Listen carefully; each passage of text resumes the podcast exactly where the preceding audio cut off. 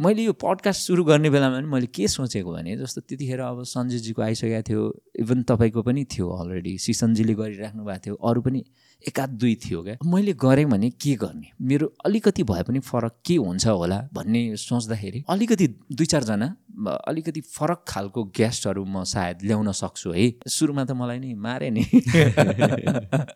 के गरिरह? यो त माइक पनि सञ्जयको कपी गर्ने।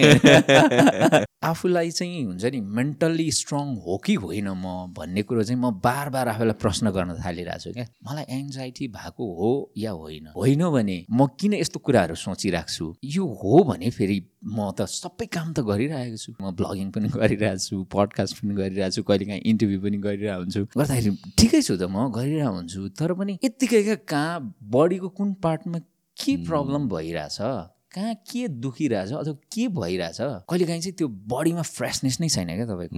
अब आज म अलि फ्रेस फिल गरिरहेको छु म हिजो ठिकै ठिकै थिएँ होइन? अब भोलि सर्कमा जाँदाखेरि के होला भनेर म त्यसमा नि आत्तिरहेको थिएँ क्या। अब त्यो मेरो बडीको कन्डिसन अथवा म मेन्टल्ली चाहिँ एकदम फ्रेस अनि सबै फिट भएन भने सर्कमा गएर कसरी बोल्ने होला के होला भनेर त्यहाँ त्यहाँ पनि सोचिरहेको थिएँ क्या मैले। सिम्टम्स पनि कति हेर्ने सर गुगलमा हेर्दै गयो भने जे पनि प्रब्लम ठुलो रोग एक्ज्याक्टली एक्ज्याक्टली एक्ज्याक्टली डर लाग्दो हुन्छ क्या। तपाईँलाई चाहिँ चिन्ता लाग्ने चाहिँ कुरा के हो यहाँ देशको कुरा आउँदाखेरि चाहिँ? वाट नेक्स्ट भन्ने नै होला जस्तो लाग्छ हौ सर मलाई। अब के त? अब हामीले गर्ने के? अथवा यहाँको जनताले अब गर्ने के? उहाँलाई हुने के? कसरी जीविकोपार्जन गर्ने भनौँ न एकदम सामान्य भाषामा भन्दा। युवा पलायनको कुरा गर्नुहोस् या चाहिँ बेरोजगारीको कुरा गर्नुहोस् या व्यथितिको विसङ्गतिको कुरा गर्नुहोस् या पोलिटिक्समा जुन तपाईँहरूको असन्तुष्टि आम जनतामा छ होइन सर? सबैको चिन्ता चाहिँ अब परिवार कसरी पाल्ने घर कसरी चलाउने? यो पोइन्ट हामीहरू कहाँ पुगिसक्यो भनेपछि कि आर कि पार पोइन्ट हो कि? कि यहाँ पछि सबै ध्वस्त हुन्छ हेर्नुहोस्। कि भने चाहिँ यहाँबाट चाहिँ एकदमै बेटर हुन्छ। सो त्यो लास्ट चान्स पाउँछ भन्नु भन्छ नि हामी त्यो लास्ट लास्ट चान्सतिर छौँ भन्ने हिसाबले बुझ्नु पऱ्यो। लास्ट चान्स भन्ने बित्तिकै अब यही महिना यही वर्ष भन्नु खोज्यो होइन तर मेबी पाँच वर्ष दस वर्ष मात्र छ होला हामीसँग। रिभर्स गर्नको लागि भनौँ न। हाम्रो एकदमै सिरियस टपिक भयो जस्तो। ल rapid fire round now exercise भनेको कतिजनाले के सोच्नुहुन्छ भनेपछि एभ्री सिङ्गल डे जिम जानुपर्छ र मसँग टाइम छैन र सिन्स म एभ्री सिङ्गल डे हप्ताको छ दिन जान सक्दिनँ म जिम नै जाँदिनँ बरु। एकैचोटि टाइम भइसकेपछि मात्र जान्छु भनेर सोच्नुहुन्छ। That is not the case हप्तामा तिनदेखि चार दिन वर्कआउट गर्नलाई it's more than enough if तपाईँले राम्ररी गर्नुहुन्छ भनेर भने। So if you are one of those people जसलाई चाहिँ म मेरो काम छ मलाई जिम जानै भ्याउँदैन भन्ने सोच्नुहुन्छ भनेपछि दिनको half an hour to forty five minutes निकाल्नुहोस्। हप्ताको तिनदेखि चार दिन टाइम निकाल्नुहोस्। तपाईँको बडी मेन्टेन गर्नलाई जरुरी छ तपाईँ स्ट्रेङ्थन गर्नलाई जरुरी छ। एक्सर्साइज गर्नलाई इम्पोर्टेन्ट छ तपाईँ आउटडोर गर्नुहोस् घरमै गर्नुहोस् या जिम जोइन गर्नुहोस्। तर इफ तपाईँ जिम जोइन गर्ने सोचिरहनु भएको छ भने द फिजिक वर्कसप छ तपाईँहरूको लागि फिजिक वर्कसपमा अहिले दुई दिनको फ्री ट्रायल छ जहाँ चाहिँ तपाईँ गएर एक्सर्साइज गरेर ट्राई गरेर see if it's okay for you तपाईँलाई वर्कआउट गर्ने मुड छ कि छैन तपाईँलाई वर्कआउट गर्न खेरि तपाईँ कमिट गर्न सक्नुहुन्छ कि हुँदैन ट्राई गरेर हेर्नुहोस्. If you feel like that is the place two days free free trial हुन्छ। तपाईँले त्यसपछि जोइन गर्न मन नलाएन भने पनि ठिकै छ पे गर्नु पर्दैन। तर if you join we have discounts available right now so यो गिभन नम्बर्सहरूमा कल गर्नुहोस्।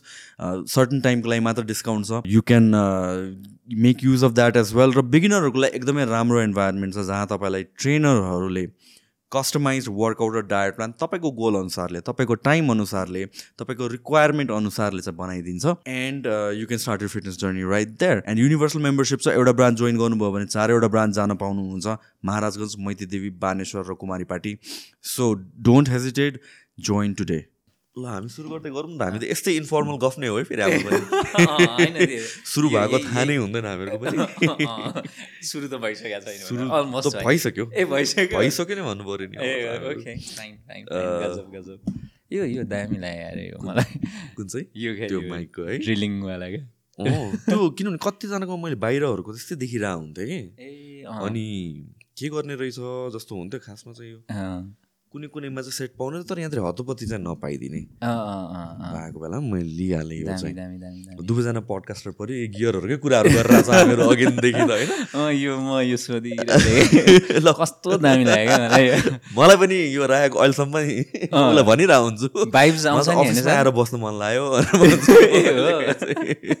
त्यो भाइब्स आउँछ नि सर है एउटा एक खालको छुट्टै। त्यो मलाई यहाँ छिर्ने बित्तिकै क्या यो यस्तो स्मुथ टाइपको क्या अनि कलर पनि क्या मिठो क्या अब। म पनि यस्तै लिन्छु भइसक्यो। अब सेम तपाईँको लियो भने त मलाई। कपी गर्यो सुशान्तजीको भन्छ होला तर अलिकति यो कलर सलर चेन्ज गरेर क्या साइज चाहिँ यत्रै क्या हो सबैजना अब एकअर्काबाट इन्सपायर्ड हुने त इन्स इन्सपिरेसन भन्नु पऱ्यो? एक्ज्याक्टली हुन्छ हुन्छ। केही न केही त नि। हुन्छ क्या सर? होइन? नि। हामी सँगै काम गरिरहेछौँ एउटै क्षेत्रमा होइन? केही न केही। तपाईँबाट सिक्ने केही हुन्छ होला? मबाट सिक्ने केही हुन्छ होला? त्यो चाहिँ हुन्छ क्या त्यही नै हो। सो भ्लग गर्दै आइरहनु भएको थियो। मैले भ्लग पनि देखिरहेको हुन्छु। कसरी म्यानेज गर्नुहुन्छ? तपाईँको दुइटा च्यानल छ पहिला सुरु। दुइटा च्यानल भ्लग कसरी यो सबै कुरा चाहिँ कसरी हुन्छ? यो चाहिँ अब त्यो बानी नै भयो क्या सर। सुरुमा चाहिँ त्यो एउटा अर्को मेन च्यानल थियो मेरो मेरो अनलाइन टिभी भन्ने। त्यो चाहिँ अब बाहिर बाहिर जाने रिपोर्टिङ पनि गर्ने सबै गर्ने होइन? अनि पछि के सोचायो भने ओहो एउटा भ्लग पनि गरौँ क्या हो? अब यति गरिसकियो। अब अब चाहिँ अलिअलि आफ्नो पर्सनल कुराहरू पनि चल्छ कि क्या हो भन्ने जस्तो लाग्न थाल्यो क्या। अनि सुरुमा एउटा कन्टेन्ट बनाएको राम्रै गयो। त्यसपछि रेगुलरली बनाउन थालेको अनि केही फ्यामिलीको कुराहरू पनि हाल्न थालेको।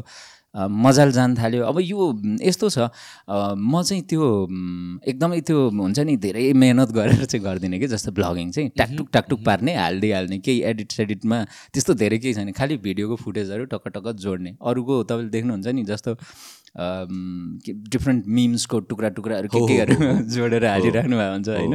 मेरो चाहिँ त्यस्तो केही हुँदैन। आइडी पनि हुँदैन कुनै कुनै बेला त। यत्तिकै जोड्यो हालिदियो होइन त्यस्तो हुन्छ। सो म्यानेज भइरहेछ सर। गर्न सकिने रहेछ। तर तर भ्लगको रमाइलो कुरा नै त्यही त हो जस्तो लाग्छ यो जुन रनेस नै हेर्नु खोज्यो हुन्छ Rawness नै हो, मान्छेहरूले। rawness नै हो। किनभने चाहिँ जे पनि मिडिया कन्ज्युम गर्ने हो भने चाहिँ अलिक पोलिस्ड हुन्छ जे पनि मिडिया। अनि रियालिटी के हो? अनि त्यसपछि पोलिस्ड के हो भनेर चाहिँ कति अडियन्सले नबुझेपछि। त्यो बिहाइन्ड द सिन्स खोज्ने कुरा त हो नि। इन्टरभ्यूहरू चल्ने पनि त्यही कारणले त हो। जस्तो लाग्छ मलाई चाहिँ। एक्ज्याक्टली एक्ज्याक्टली सही सही कुरा हो सही कुरा। हो सर मलाई यो पनि दामी लागेको छ म तपाईँबाट एकदम इन्सपायर्ड भयो आमा टक्क है है। केही टक्क लेखेर होइन? बल्ल बल्ल के याद आइहाल्यो भने लेखिहालौँ। होइन अब म के बोलौँ भनेर नि टक्क अलिकति थपेर होइन? म तपाईँकोमा आउँदाखेरि अघि क्या गाडीमा केही सुन्दै आइरहेको थिएँ अब आज के बोल्ने होला? सुशान्त सरकोमा के बोल्ने होला त भने केही नयाँ कुरा बोल्न पाए हुन्थ्यो भन्ने जस्तो त हुन्छ नि त तर अब खासै हुँदैन अब तर गफै त हो। भयो त त्यस्तो। होइन त्यही म चाहिँ खासमा अचेल चाहिँ यो जस्तो भागवत गीता चाणक्य नीति अनि यस्तो इन्सपाइरिङ कुराहरू क्या सुत्ने बेलामा सुनिरहेको हुन्छु अनि एउटा एउटा लाइनहरूले क्या छुन्छ क्या होइन? अनि त्यस्तो कुराहरू लभको कुराहरू अनि यसो कहिलेकाहीँ आफू पनि दिउँ कि जस्तो लाग्ने। गाह्रो रहेछ सर त्यो के के कुराले रिसेन्टली इन्सपायर्ड हुनुहुन्छ? त्यस्तो केही पढ्नु भएको छ स्पेसिफिकली तर नहुँदो रहेछ सर त्यो पढेर सुनेर हेरेर चाहिँ। आफैले आफैलाई इन्सपायर गर्ने जस्तो लाग्यो मलाई चाहिँ। किनभने जब म एकदमै कमजोर फिल गर्छु त्यतिखेर चाहिँ आफैले आफैलाई नै म चाहिँ अलिकति ल म नै हो अरूको कुरा सुनेर भन्दा पनि आफूले नै आफूलाई नै बलियो बनाउने रहेछ। किनभने जब तपाईँको विक टाइमहरू आउँछ या कमजोर पलहरू क्षणहरू आउँछ नि त्यतिखेर चाहिँ आफूले आफूलाई सम्झाउनु बाहेक अर्को विकल्प नै छैन क्या। तपाईँसँग त्यही नजिकमा तपाईँको अ, इष्ट मित्र आफन्त साथीभाइ या परिवारको अरू सदस्यहरू पनि हुनुहुन्छ। उहाँलाई पनि सेयर गर्न सक्नुहुन्न क्या कहिलेकाहीँ तपाईँको पीडा क्या? त्यस्तो हुँदो रहेछ। सो आफूले आफूलाई नै हो सम्झाउने र इन्सपायर गर्ने पनि आफूले आफूलाई नै हो जस्तो लाग्छ मलाई चाहिँ। डेफिनेटली नै। इन्सपिरेसन मोटिभेसन भनेको at the end of the day त आफू नै हो नि त। कति कुराहरू त तपाईँले भने जस्तो सेयर गर्न मिल्दैन या भने हो, हो, हो। चाहिँ डिपेन्डेन्सी पनि क्रिएट गर्ने कि नगर्ने भन्ने पनि क्वेसनहरू आउँछ होला कि? At the end of the day त आफूले नै आफू कन्ट्रोलमा हुन सक्नु पर्यो। त्यो पनि त एउटा स्किल हो नि त। होइन? नेचुरली त आउँदैन। आउँदैन। तपाईँलाई त्यस्तो फिल भएको छ कुनै टाइममा केही स्पेसिफिक केही कारणले गर्दा तपाईँ चेन्ज भएको जसले गर्दा चाहिँ यो जुन तपाईँको अहिले एउटा मेन्टालिटी छ कि आफै हो at the end of the day आफैले कन्ट्रोल गर्ने हो आफैले सम्झाउने हो भनेर। धेरै मोमेन्टहरू छ सर। म चाहिँ जस्तो जेनरली मलाई केही ठुलो समस्याहरू परिराखेको हो भने पनि आमालाई चाहिँ भन्दिनँ कि किनभने त्यो दुःख सेयर गऱ्यो भने ला आमालाई पीडा हुन्छ होला। अब यो बुढेसकालको आमाको यो जुन एज छ त्यो एजमा मैले मेरो दुःखको कुराहरू उहाँलाई सुनाएँ भने चाहिँ उहाँलाई झन् गाह्रो हुन्छ होला भन्ने चाहिँ जहिले पनि फिल हुन्थ्यो निकै सानो एजदेखि र अहिले पनि आफूलाई धेरै गाह्रो कठिन सिचुएसनहरू पर्दाखेरि पनि मैले कहिले पनि सेयर गरेको छैन। बरु दाईहरू या अरू फ्यामिलीको अरू मेम्बर्ससँग क्याजुअल्ली यत्तिकै भनिरहेको हुन्छ होइन? तर त्यो अलिक सिरियस इस्युहरू अब जस्तो आफूलाई केही ठुलो समस्या पऱ्यो अलिकति बिरामी पऱ्यो या अलिकति बिरामीको पनि केही स्टेजेसहरू हुन्छ नि अलिक गाह्रो गाह्रोवाला पऱ्यो भने पनि आमालाई चाहिँ नभन्ने क्या। अनि मलाई अस्ति केही समय अगाडि चाहिँ मेरो अपरेसन्स यताउति परिरहेको थियो अनि आमा चाहिँ एकदम चिन्ता गर्ने ला के भयो कसो भयो भने होइन नर्मल छ एकदम ठिकठाक छ नआत्तिनुहोस् आमा सबै ठिक छ तपाईँ ढुक्क हुनुहोस् भनेर। अनि जहिले पनि आजको दिनसम्म पनि त्यही नै हो क्या मेरो मन्त्र चाहिँ म आफूले जे होस् आफ्नो दुःखको कुरा या समस्याको कुराहरू चाहिँ आमालाई चाहिँ म भन्दिनँ। किनभने त्यो भन्यो भने उहाँलाई पनि अझ थप दुःख हुन्छ होला। अब अलिकति उहाँहरू त ढल्किँदो उमेरमा हुनुहुन्छ झन् गाह्रो हुन्छ होला भन्ने फिल हुन्छ। अब कतिपयले चाहिँ सुनाउँदो पर्छ सुनाउँदाखेरि एकदम आफूलाई त्यो हुन्छ नि फ्री फिल हुन्छ या रिल्याक्स्ड फिल हुन्छ पनि भन्छ नि होइन सर? तर म चाहिँ गर्दिनँ सर। तपाईँ गर्नुहुन्छ कि गर्नुहुन्न? पहिल्यैदेखि हो कि? यो पहिलेदेखि भन्दा पनि जे होस् एउटा सर्टन एजदेखि भनौँ न अलिकति बुझ्ने भएपछि अलिक काठमाडौँ आइसकेपछि भनौँ न अब यो कलेज लेभल सुरु गरिसकेपछि कति दिन भोकै बस्नु पऱ्यो कति दिन तिर्खै बस्नु पऱ्यो तर पनि त्यो कुराहरू चाहिँ नभन्ने ठिकै छ मम्मी ठिकै छ यहाँ सब ठिकठाक छ राम्रो भइरहेछ नआतिनुहोस्। अ, भन्ने। अनि त्यसरी चाहिँ अब त्यो एउटा त्यो मम्मीलाई चाहिँ एक हिसाबले हुनु त ढाँट्या हो। तर पनि त्यो दुःखको कुरा सेयर नगरेर हुन्छ नि मम्मीलाई एक हिसाबले ठिकै छ राम्रै गरिरहेछ भन्ने खालको त्यो भान होस् भन्ने हिसाबले पनि सेयर नगर्ने क्या सर। त्यो आई थिङ्क म पनि रिलेट गर्न सक्छु त्यो। मम्मीलाई भन्दाखेरि आई मिन इन जेनरल म पनि मेरो एकदमै क्लोज मान्छेहरूलाई पनि हतपत्ती म सेयर गर्दिनँ कि। र त्यो सेयर नगर्नुको कारण के हो भने मैले के रियलाइज गर्छु भनेपछि सबैजनाको आफ्नो आफ्नो ब्याटल हुन्छ आफ्नो आफ्नो प्रब्लम हुन्छ होइन? कतिवटा ब्याटल चाहिँ मेन्टली नै सल्भ गर्न सकिन्छ क्या कुनै कुराहरू ठुलो हुन्छ कुनै कुराहरू सानो हुन्छ होला तर त्यो कुरा पोख्नु सर्टन कुराहरू पोख्नु र त्यो मुखले भनेपछि त्यो रियालिटीमा आउँछ क्या त्यसपछि. त्यसपछि त्यसको रियलाइजेसन झन् ठुलो भएर जान्छ कि? किनभने प्रब्लमहरू कति भनेको त मेन्टली आफूले आफूलाई कन्भिन्स गरेर आफूलाई स्ट्रङ बनाएर या भन्छ आफूले नै सोचेर सल्भ गर्न सकेर कुनै कुरा टेम्पोरेरी हुन्छ होला। हो हो। मलाई चाहिँ के फिल हुन्छ भनेपछि त्यो कुरा भन्दाखेरि त्यो मेनिफेस्ट भएर जान्छ इन द सेन्स कि रियल वर्ल्डमा अब त्यो साँच्चैको ठुलो प्रब्लम हो है। भनेर मैले आफूले आफूलाई सोच्न थाल्छु अनि त्यो आत्तिन थाल्छ अनि आत्तेपछि कुरा झन् बिग्रेर जान्छ जस्तो लाग्छ कि। ठुलो प्रब्लम आयो भने सेयर गर्नुपर्छ। होइन त्यसमा जिद्दी भएर पनि हुँदैन होला किनभने हेल्प चाहिन्छ होला सबैजनालाई। तर कतिपय कुरा किनभने दिन प्रतिदिन केही न केही प्रब्लम त आइ नै रहन्छ सबैलाई हो। सबै सेयर गर्न थाल्यो भने त म त आफै आत्तिन थाल्छु होला जस्तो लाग्छ कि मेरोमा लाइफमा त सबै प्रब्लम नै प्रब्लम छ भनेर। सही कुरा सही कुरा। त्यसरी सोच्छु म चाहिँ। अनि जस्तो मैले पनि अहिलेसम्म केही सेयर गरेको छैन भन्दा पनि कहिलेकाहीँ अब खुसीको कुराहरू त छिट्टै सेयर गर्ने परिवारसँग मजाले होइन? तर दुःखको पनि तपाईँले भने जस्तो त्यो चाहिँ गर्नुपर्छ होला जस्तो मलाई पनि लाग्छ कि जस्तो आफूलाई हुन्छ नि आफैले मात्रै कन्भिन्स गर्न नसक्ने कहिलेकाहीँ त्यो मोमेन्ट पनि होला। सो क्लोज वान्ससँग चाहिँ तपाईँले त्यस्तो कुराहरू सेयर गऱ्यो भने चाहिँ अँ त्यो बेला चाहिँ अब तपाईँलाई परिवार पनि चाहिन्छ नि साथीभाइ पनि चाहिन्छ इष्टमित्र पनि चाहिन्छ। अनि त्यो बेलामा चाहिँ तपाईँले आफ्नो दुःखको कुरा चाहिँ पोख्ने को त भन्दाखेरि चाहिँ हुन्छ नि कोही जस्तो अब मेरो कोही होला नजिकको मान्छे या कहिलेकाहीँ अब गर्लफ्रेन्ड पनि त्यस्तो एउटा व्यक्ति भइदिन सक्छ क्या कहिलेकाहीँ। या एकदमै क्लोज साथी म हुनसक्छ या दाई हुनसक्छ।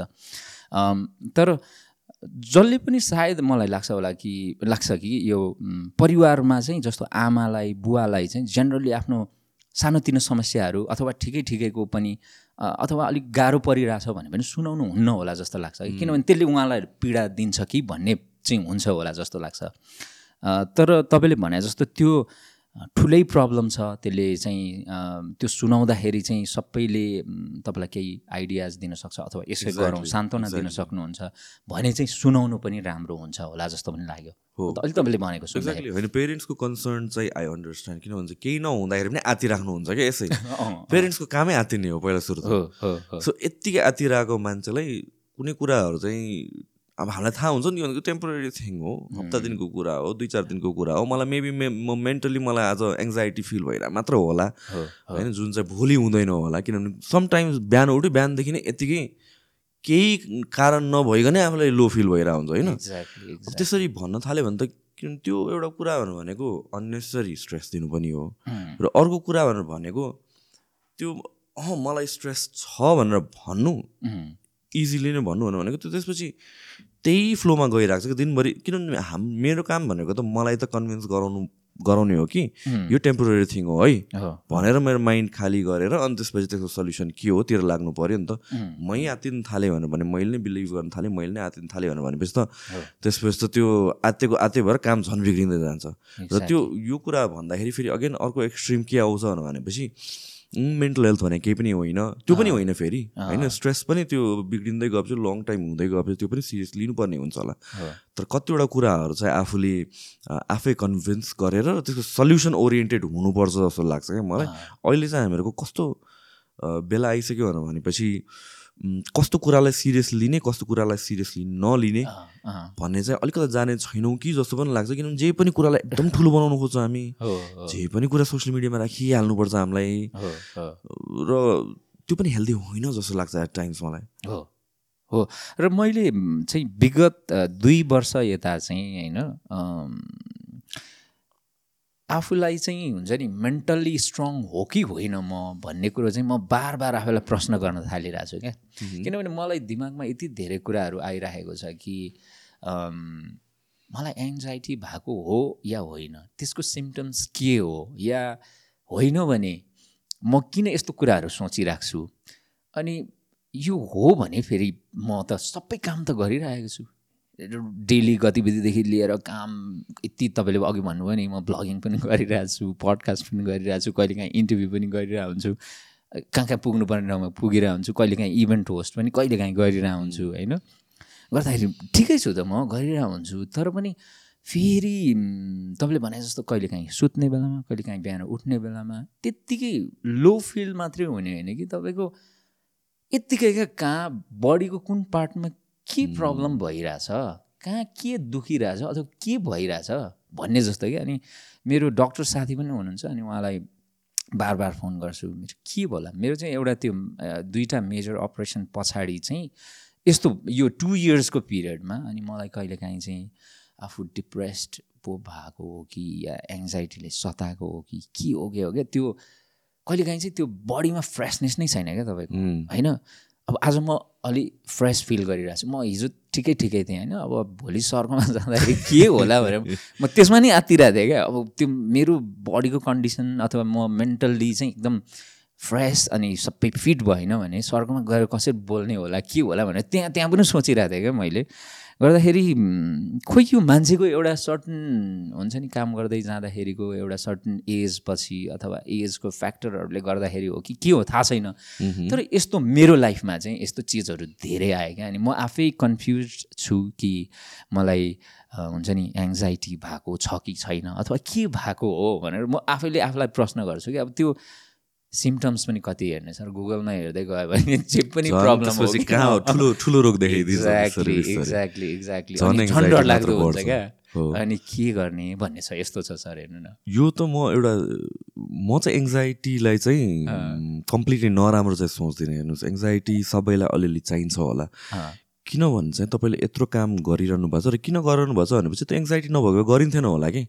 त्यो फ्युचरको एउटा एङ्जाइटी भनेको फ्युचरको डर त हो नि त। कसैलाई चाहिँ एङ्जाइटी जे पनि कुराको लेभल हुन्छ नि त एउटा इन जेनरल ज्वरो आउनु पनि नराम्रो होइन। ज्वरो किनभने त्यो त ब्याक्टेरियाहरूसँग फाइट गरेर आएको छ हो नि त बडीले त। राम्रो हिसाबले एउटा एकदमै धेरै ज्वरो आएपछि पो नराम्रो हो होइन? त्यस्तै गरेर खानेकुरा पनि एउटा लिमिटसम्म राम्रो धेरै खायो भने नराम्रो हो। औषधि पनि त्यस्तै हो। सो एङ्जाइटी पनि त्यसरी नै हेर्छु कि म। किनभने एङ्जाइटी नहुने हो भनेर भन्दा हामी कति कामहरू गर्थेन होला। जुन तपाईँलाई अब भन्नु दुइटा च्यानल चल चलाइरहनु भएको छ भ्लग गरिरहनु भएको छ यत्रो कामहरू छ अघि पिआरको कुराहरू पनि गरेर हामीले कति ठाउँमा हेर्नुपर्ने छ नि त। त्यो एङ्जाइटी नभएको तपाईँले गर्नुहुन्थ्यो होला र गर्नुहुन्थेन होला कि? किनभने त पुगिरहेछ त। भयो त होइन र? अँ, अँ, त त्यो चिन्ताले गरेर भोलि केही नराम्रो होला कि एक्ज्याक्टली भोलिको लागि सोच्नु पर्ला कि भन्ने हिसाबले हो कि अनि मलाई पनि त्यो हुन्छ कि सबै काम भइरहेछ सबै। दिन सबै काम गरिरहेछ त्यस्तो केही प्रब्लम छैन। तर कहिलेकाहीँ चाहिँ हो के छुटेछ कि। के गडबड भएको छ कि भनेर त्यो अलिअलि बेला बेलामा आइरहेको छ नट डेली त्यो बेसी हुन थाल्यो भनेर भनेपछि त्यो राम्रो होइन। तर अलिअलि हुनु चाहिँ पर्छ जस्तो लाग्छ। किनभने कतिजनालाई देखेको छु कतिजनाको एङ्जाइटी नै हुँदैन। अब एङ्जाइटीलाई एकदम ब्याड वर्ड हिसाबले हेर्छ। तर मान्छेले फ्युचर नै सोच्दैन भनौँ न एउटा हिसाबले। दिनदिनै जे चलिरहेछ चलिरहेछको हिसाबले। तर त्यो पनि लङ रनमा चाहिँ फेरि राम्रो होइन नि त। होइन? सो हामीले कुन लेभलमा हामीलाई भइरहेको छ एङ्जाइटी र हामीले त्यसलाई कसरी हेरिरहेको छौँ र त्यसको बाबत हामी के गर्छौँ। त्यो चाहिँ इम्पोर्टेन्ट हुने रहेछ तपाईँले यस्तो मजाले भन्नुभयो कि मलाई त्यो तपाईँले त्यो डिफाइन गरेको चिज चाहिँ एकदम मन पऱ्यो क्या। यो एङ्जाइटी भनेको चाहिँ फ्युचरको अनसर्टेन्टीलाई लिएर हाम्रो त्यो एउटा हुन्छ नि के भन्ने त्यो हडबडाहट भनौँ न हडबड हुने या ला के होला कसो होला भनेर होइन? त्यो भन्नु क्या मजाले भन्नुभयो एउटा? लेभलसम्म चाहिँ होइन। अर्को लेभल फेरि त्यसैको अर्को लेभलहरू भनेको मान्छे फेरि घरबाटै निस्किन मन लाग्दैन केही पनि गर्न सक्दैन। एक्ज्याक्टली त्यो चाहिँ टप प्रब्लमेटिक लेभल भयो। त्यो बेलामा चाहिँ हो जुन बेला चाहिँ मेबी कन्सल्टेसनहरू लिनुपर्छ होला साइकोलोजिस्टहरूलाई भिजिट गर्नुपर्छ होला मेडिकेसनहरू लिनुपर्छ जसरी हाम्रो फिजिकल हेल्थ जस्तै मेन्टल हेल्थ पनि म्याटर्स तर कतिवटा कुराहरू चाहिँ आई थिङ्क राम्रै हो भनेर म लिन्छु। किनभने भनौँ न केही गर्दाखेरि आगो छँदाखेरि नपोलेको भएको भए त हामी त हातै जलाउँथ्यौँ होला। एक्ज्याक्टली होइन र सो त्यो पोलेको त्यो पेनले नै गरेर हामी। हट्छौँ नि त। सो त्यस्तो एङ्जाइटी पनि त्यही हो. एङ्जाइटी नहुने भने हामी कति काम गर्थेनौँ होला कि? इक्जामको एङ्जाइटी नभएको भए पढ्थेनौँ होला। भोलि होमवर्क बुझाउनु पर्छ भने एङ्जाइटी नभए होमवर्कै गर्थेन होला। कामै जान्थेन होला। सो आई आई थिङ्क जुन भनिन्छ नि अघि पनि हामीले सुरुमा कुरा गऱ्यो कि लाइक मेन्टालिटी स्ट्रङ हुने भने के हो भनेको त्यही नै हो जस्तो त्यो आइडेन्टिफाई गर्न सक्नु र त्यसलाई ह्यान्डल गर्न सक्नु नै मेन्टली स्ट्रङ हुनु भने नि हो जस्तो लाग्छ र अब पहिले पहिले के सर जस्तो हामी म आफ्नै एक्सपिरियन्समा चाहिँ पहिले पहिले हुन्छ नि एउटा सर्टन एज थियो जस्तो सुरु सुरुमा काठमाडौँ आएर स्ट्रगल गर्दाखेरि त्यो त्यो बेलाको समस्या नै अर्कै थियो क्या नर्मल समस्याहरू क्या अब कसरी यो खानपान र बसोबासको राम्रो व्यवस्थापन गर्ने र सामान्य एउटा जागिर कसरी गर्ने भन्ने थियो क्या त्यतिखेरको। अब अहिले यो काम गर्दै गइसकेपछि सर्टन लेभलको एउटा सानो सक्सेस हासिल गरिसकेपछि चाहिँ तपाईँको अनेक कुराहरू जोडिँदै जाने रहेछ क्या। तपाईँ घर परिवार व्यवहार सबैलाई हेर्नुपर्नेदेखि लिएर त्यो हुन्छ नि जति काम गर्दै गयो उति त्यो बर्डनहरू पनि थपिँदै जाने रहेछ क्या। अनि त्यो अहिले पहिलेको त्यो बेलाको लाइफ नै क्या मजा लाग्ने क्या एक हिसाबले भन्दाखेरि। त्यस्तो तनाव पनि खासै के थिएन। ल यार राम्रो लुगा लाउनु पनि पाएको छैन। ठिकै ठिकै छ होइन। खानपान पनि ठिकै ठिकै छ। तैपनि त्यस्तो अरू कुनै त्यो स्ट्रेसहरू थिएन क्या। अनि अहिले सोच्दाखेरि बाफ्रे यताको के के हो के के हो? होइन विथ विथ रेस्पोन्सिबिलिटी त्यो। आउँछ। त्यसलाई अनि हामीले ट्याकल गर्न पनि सक्नुपर्छ। त्यही नै लाइफ भनेर त्यही हो जस्तो लाग्छ क्या। किनभने हामीहरूको गोल के छ भने जहिले पनि आजभन्दा भोलि अलिकति बेटर गरौँ। Not monetary. मात्र होइन फाइनेन्सियली मात्र होइन सबै एस्पेक्टबाट मलाई आज अलिकति थोरले चिन्छ भने अझ बेसी चिन्दै चिन्नुहोस् आज के राम्रो काम गरेर छ भने अझ बेटर काम गरौँ। त्यही त हो नि हामीले गर्न खोज्नु त एउटा सर्टन पोइन्ट पछि त। एउटा वान पोइन्टसम्म पैसा इम्पोर्टेन्ट हुन्छ त्यसपछि चाहिँ अरू कुराहरू पनि इम्पोर्टेन्ट भएर जान्छ सँगै सँगै जान्छ, जान्छ। अनि त्यो सबै कुराहरू डिल गर्न सक्नु नै त्यो भनेको चाहिँ टाइमले सिकाउने हो। सुरुमा त गाह्रै हुन्छ नि जे पनि कुरा। बिस्तारै गर्दाखेरि अब तपाईँले जुन भन्नुभयो यहाँ आउँदाखेरि सुरु सुरुमा चाहिँ त्यो सजिलो त तर त्यो बेला त्यही नै गाह्रो थियो कि। गाह्रो त्यो बेलाको त किन म पनि यहाँ काठमाडौँ गएँ म पनि वीरगन्जबाट आएको। अनि यहाँ आउँदाखेरि कलेजहरू स्कुलहरू पढ्दाखेरि त्यो होस्टेलमा बस्दाखेरि त्यो बेलाको प्रब्लम अर्कै थियो। अहिले हेर्दाखेरि त्यो प्रब्लम केही पनि होइन जस्तो लाग्छ तर त्यो बेलाको लागि त्यो प्रब्लम ठुलो थियो कि। तर जति बढ्दै गयो त्यति अलिकति अर्को प्रब्लम आउने अलिकति प्रब्लम आउने। आई थिङ्क लाइफ भने नि त्यही हो आफूलाई कसरी बेटर पार्दै जाने त्यो सिचुएसनमा त्यही त तपाईँले भने जस्तो अहिले सम्झिँदाखेरि चाहिँ ती दिनहरू एकदम सुन्दर जस्तो लाग्ने होला। अब भोलिको स्टेजमा पुगेर यो ए त्यतिखेर त केही छैन रहेछ मान्छेलाई जे गर्यो नि सन्चो छैन भने जस्तो क्या। जेले पनि पुग्दैन भने जस्तो। त्यो चाहिँ हुन्छ। हामी अलिकति धेरै नै अप्टिमिस्टिक पनि हुन्छौँ होइन? अनि जे कुरा पनि हामीले प्राप्त गर्नुपर्छ अझै धेरै प्राप्त गरौँ भन्ने त्यो एउटा लोभ नै भनौँ न। यो राम्रो चिज पनि हो। त्यसले गर्दाखेरि होइन आफ्नै पर्सनल ग्रोथ पनि राम्रो हुन्छ होला नि त होइन पर्सनल ग्रोथदेखि लिएर सबै अब हामी समाजको कुरा गरौँ नेसनको कुरा गरौँ जेको पनि कुरा गरौँ या सिभिलाइजेसनको कुरा गरौँ योभन्दा बेटर चाहियो भनेर नसोचेको भए त हामी त कहाँ हुन्थ्यो होला? ढुङ्गे युगमै हुन्थ्यो होला। एक्ज्याक्टली होइन र? त्यो त त्यो। त कन्टिन्यू भइ नै राख्छ जस्तो लाग्यो र सर्भाइभ गर्नको लागि टाइमसँग हामीहरू प्रोग्रेस गर्नु पनि पर्छ। सर्भाइभल अफ द फिटेस्ट भन्छ नि त। त्यो लेभल त जहिले पनि अघि सर्दै जाने हो। त्यही नै हो लाइफ यो मानव सभ्यताको एउटा चाहिँ हो। इम्पोर्टेन्ट फ्याक्टर र हुनैपर्ने प्रक्रिया तपाईँले भने जस्तो यो भएन भने त के हुन्छ त? स्टक हुन्छ होला नि सबै कुरा होइन?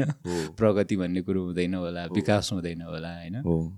यो सबै चाहियो। सबै चाहियो सबै चाहियो। इन्ट्रेस्टिङ सर हामी कहाँबाट कहाँ पुगिसक्यो? एकदम सुरुदेखि नै एकदम सिरियस टपिकमा हामी छिर्यो जस्तो लाग्यो अलिकता। अँ है। कस्तो हाम्रो सुरुको स्विम नै खतरा अलिक गहिरोमा भयो। हो होइन। तपाईँ र हामी जस्तो मान्छेलाई चाहिँ एउटा फिलोसफी चाहिँ फिलोसफीको एकदम इम्पोर्टेन्ट पार्ट हो जस्तो पनि किन लाग्छ। भन्नुहुन्छ हामीले जहिले पनि अरूको ओपिनियन सुनिरहेछौँ। एक्ज्याक्टली तपाईँले सो रन गर्दाखेरि पनि आफ्नो ओपिनियन दिइन्छ तर प्राय अरूको ओपिनियन सुन्छ एक्ज्याक्टली हो नि। मैले पनि त्यही गर्ने हो तर हाम्रो भित्र पनि छ ओपिनियनहरू। जुन चाहिँ हामीले राख्ने ठाउँ पाएको हुँदैन या राखिरहेको हुँदैनौँ। होइन र? दुईजना हामी जस्तो भेटेपछि नि कुरा निस्किने होला। हामी भएपछि अरू के चाहियो होइन? आज जे होस् दुईजना दाजुभाइको मजाले अगाडि जान्छ। सर यो तपाईँले सुरु गरे ठ्याक्कै कति भयो साँच्चै? झन्डै साढे दुई तिन वर्ष साढे दुई भयो तिन। वर्ष भयो है। तर जे होस् मैले तपाईँलाई अस्ति मेरो पडकास्टमा पनि भनेको थिएँ। तपाईँले जुन तवरले गरिराख्नु भएको छ अनि जुन अलिकति फरक तवरले तपाईँको गेस्टको जुन ब्याकग्राउन्डदेखि लिएर सबै कुराहरू अनि तपाईँको पडकास्टबाट चाहिँ धेरै मान्छेले धेरै कुराहरू सिकेँ दिस इज दि पडकास्ट हामी सबैलाई चाहिएको भनेर त्यो कमेन्ट सेक्सन पनि हेर्छु क्या।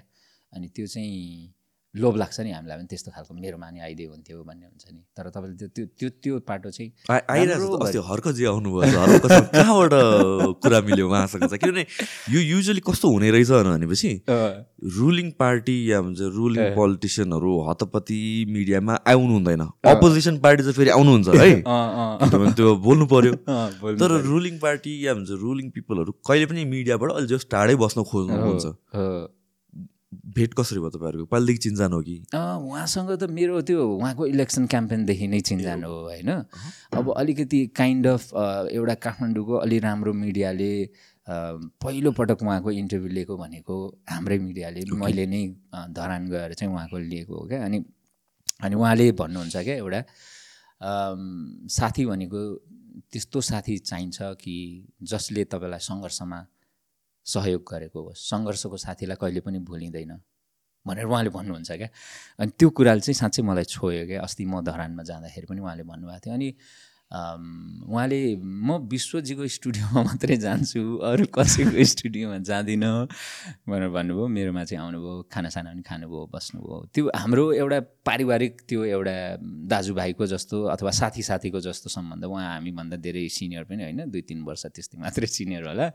त्यो हिसाबले एउटा साथीत्व पनि छ अनि एउटा पारिवारिक सम्बन्ध जस्तो पनि। अनि त्यो सहजता पनि छ र त्यो विश्वास पनि छ उहाँलाई चाहिँ जस्तो कतिपय चाहिँ अब हामी मिडिया पर्सन भएकोले सानोतिनो कुराहरू या यो मान्छेसँग हिँड्दाखेरि यो त मिडिया पर्सन हो यसले के गरिदिएला कि भन्ने। जस्तो पनि हुन्छ नि होइन? तर म चाहिँ त्यो एउटा हाम्रो प्रोफेसनल काम हुँदाखेरिको चाहिँ त्यही तवरले मेन्टेन गर्छु। त्योभन्दा बाहिरको कुराहरूमा चाहिँ जस्तो उहाँको प्राइभेसी उहाँको पर्सनल लाइफ अथवा उहाँले के भन्न चाहनुहुन्न भन्ने कुराहरूलाई चाहिँ म एकदमै कम्प्लिटली त्यो कुरो चाहिँ म छोडिदिन्छु क्या। गर्दाखेरि त्यो एउटा विश्वासले पनि होला र त्यसरी मेरोमा दुई तिन पटक आउनु पनि पडकास्ट हो हो मैले साह्रै खुसी लाग्यो त्यही त। प्राय पोलिटिसियनहरूको केसमा चाहिँ त्यो एउटा डर चाहिँ हुने रहेछ किनभने चाहिँ। मिडियाको कस्तो इमेज भइसक्यो भनेपछि मिडिया भनेको सनसनी कुरा कहाँबाट निकाल्ने त। कसरी अब यो हुन्छ नि अब त्यो एउटा किनभने नेगेटिभिटी नै सेल गर्छ एउटा हिसाबले। अनि कहाँबाट नेगेटिभिटी ल्याउने त भन्ने किन कतिचोटि मैले पनि अप्रोच गर्दाखेरि भनौँ अहिले आएर त अलिकता ट्रस्ट गर्न थालेको छ होइन। त्यो त्यो सर्कलमा भनौँ इन्टेलेक्चुअलहरूको सर्कलमा तर सुरु सुरुमा अप्रोच गर्दाखेरि चाहिँ उहाँहरूले चाहिँ थुप्रै मिडियाहरूबाट चाहिँ धोका पाइसकेका हुन्छ कि यस्तो हो अनि विश्वास नगरिदिने र मलाई के लाग्छ भने चाहिँ मिडिया पनि सबै एउटै थरीको हुँदैन र हुनु पनि पर्दैन। प्रायः जेनरल अडियन्सहरूको एक्सपेक्टेसन पनि के हुन्छ भनेपछि कोही पोलिटिसियन आएपछि चाहिँ यो किन सोधेन त्यो किन। सोधेन किन त्यो आई मिन लाइक कर्नरमा पार्ने काइन्ड अफ क्वेसनहरू के? त्यो त सबै मिडियाले गर्ने त्यही नै हो। सो एट टाइम्स अर्को साइड अफ मिडिया पनि चाहिन्छ जसले चाहिँ त्यस्तो जज मात्र नगरेर एक्चुअलमा बोल्न पनि दियोस्। हो। किनभने राम्रो नराम्रो भनेर भनेको सबैमा हुन्छ हेर्नुहोस्। सबैले गल्ती गर्ने हो सबैले कोही सबैको राम्रो साइड पनि हुन्छ नराम्रो साइड पनि हुन्छ। जब अस्सी नब्बे पर्सेन्ट अफ द मिडिया नराम्रो साइड निकाल्नमै दौडिरहेछ भनेर भनेपछि मेबी टेन पर्सेन्ट मिडिया चाहिँ त्यो मान्छेलाई फ्री प्लेटफर्म दिने हो कि भन्नेतिर पनि सोच्नु पऱ्यो कि। र अडियन्सको एक्सपेक्टेसन पनि त्यो अनुसारले नै हुनुपर्छ जस्तो लाग्यो कि। सबै भने एउटै जर्नलिजम या मिडिया भने एउटै होइन क्या सबै। हो। सबैको आफ्नो स्टाइल हो। एक्ज्याक्टली एक्ज्याक्टली र तपाईँले अस्ति कहिले भन्दै हुनुहुन्थ्यो नि जस्तो मैले ज्ञानेन्द्र साईलाई ल्याउँदाखेरि म चाहिँ राजावादी भएँ कि भन्ने एङ्गलबाट पनि हेरियो मान्छेहरूबाट भनेर भन्नुभयो नि। विच इज टोटल्ली रङ तपाईँ त एउटा आफ्नै हिसाबले काम गरिराख्नु भएको मान्छे खासमा त तपाईँ त एउटा फिजिकल ट्रेनर भनौँ न होइन फिटनेसको ट्रेनर हो अनि पडकास्ट गर्दै हुनुहुन्छ। त्यो हिसाबले यसमा पनि तपाईँले राम्रो गरिराख्नु भएको छ। तर अब तपाईँको पोलिटिकल ब्याकग्राउन्ड के हो? मलाई पनि पर्सनली थाहा भएन। तर तपाईँको पनि एउटा हुन सक्ला कि तपाईँको एउटा आस्था कुनै एउटा पोलिटिकल पार्टी कुनै सिस्टमसँग हुन सक्ला? तर तपाईँले त गेस्ट त जो पनि ल्याउन सक्नुहुन्छ नि। होइन? त्यो आधारमा त भन्नु भएन हो प्रब्लम चाहिँ कस्तो हुने रहेछ भनेपछि नट जस्ट राजावादी या हुन्छ फेडरलिजमको कुरामा मात्र होइन कहिलेकाहीँ क्यापिटलिजम कम्युनिजमको कुरा होस् यो चाहिँ जे पनि कुरामा रिलिजन मान्ने कि नमान्ने कुराहरू पनि आउँछ होला। तर मैले दुवै साइडको ल्याइरहेको हुन्छु कि? अब त्यो अडियन्सले कुन हेरेमा फरक पर्ने रहेछ कि? मैले ज्ञानेन्द्र साईलाई बोलाएको छु भनेर भनेपछि त्यो सँगसँगै फेडरल सिस्टम ड्राफ्ट गर्ने लयरलाई पनि बोलाएको छु। प्रेसिडेन्टको सल्लाहकारलाई पनि बोलाएको छु। तर जसले त्यो एपिसोड मात्र हेऱ्यो उहाँहरूले चाहिँ मलाई कम्प्लिटली राजावाद नै सोच्नुहुन्छ होला। जसले अर्को हेऱ्यो उनीहरूले चाहिँ फेडरलिस्ट नै सोच्नुहुन्छ होला। त्यसै गरेर कतिचोटि साइन्स बेस्ड फिजिसिस्टहरूलाई बोलाएको जसले रिलिजन नै मान्नु हुँदैन। तर अर्को साइडमा फेरि एकदमै रिलिजियस मान्ने स्पिरिचुअल स्पिरिचुअलिटी मान्नेहरूलाई पनि ल्याएको छु। सो जसले चाहिँ थ्रु आउट होल जर्नी हेर्नुभएको छ अँ, उहाँले चाहिँ बुझ्नु भएको छ कि ए यसले दुवैजना ल्याउँछ। आज एउटा ल्यायो भने ल कुरुमै। हप्ता दुई हप्तापछि अर्को अपोजिट पनि ल्याउँछ भनेर चाहिँ विश्वास गर्नुहुन्छ। तर ठ्याक्क एउटा एपिसोड मात्र जाँदाखेरि चाहिँ त्यस्तो आउने रहेछ तर त्यो पार्ट अफ द प्रोसेस हो मैले के बुझिसकेको छु भनेर भनेपछि सबैलाई चाहिँ खुसी पार्न सकिँदैन। आफूले चाहिँ आफ्नो हिसाबले काम गर्नुपर्छ मिसअन्डरस्ट्यान्डिङ भनेको मिडियाको लाइनमा हामीहरू मिसअन्डरस्टुड हुन्छौँ नै। र जहिले पनि क्ल्यारिफिकेसन दिँदै हिँड्दाखेरि पनि सुसाध्य छैन।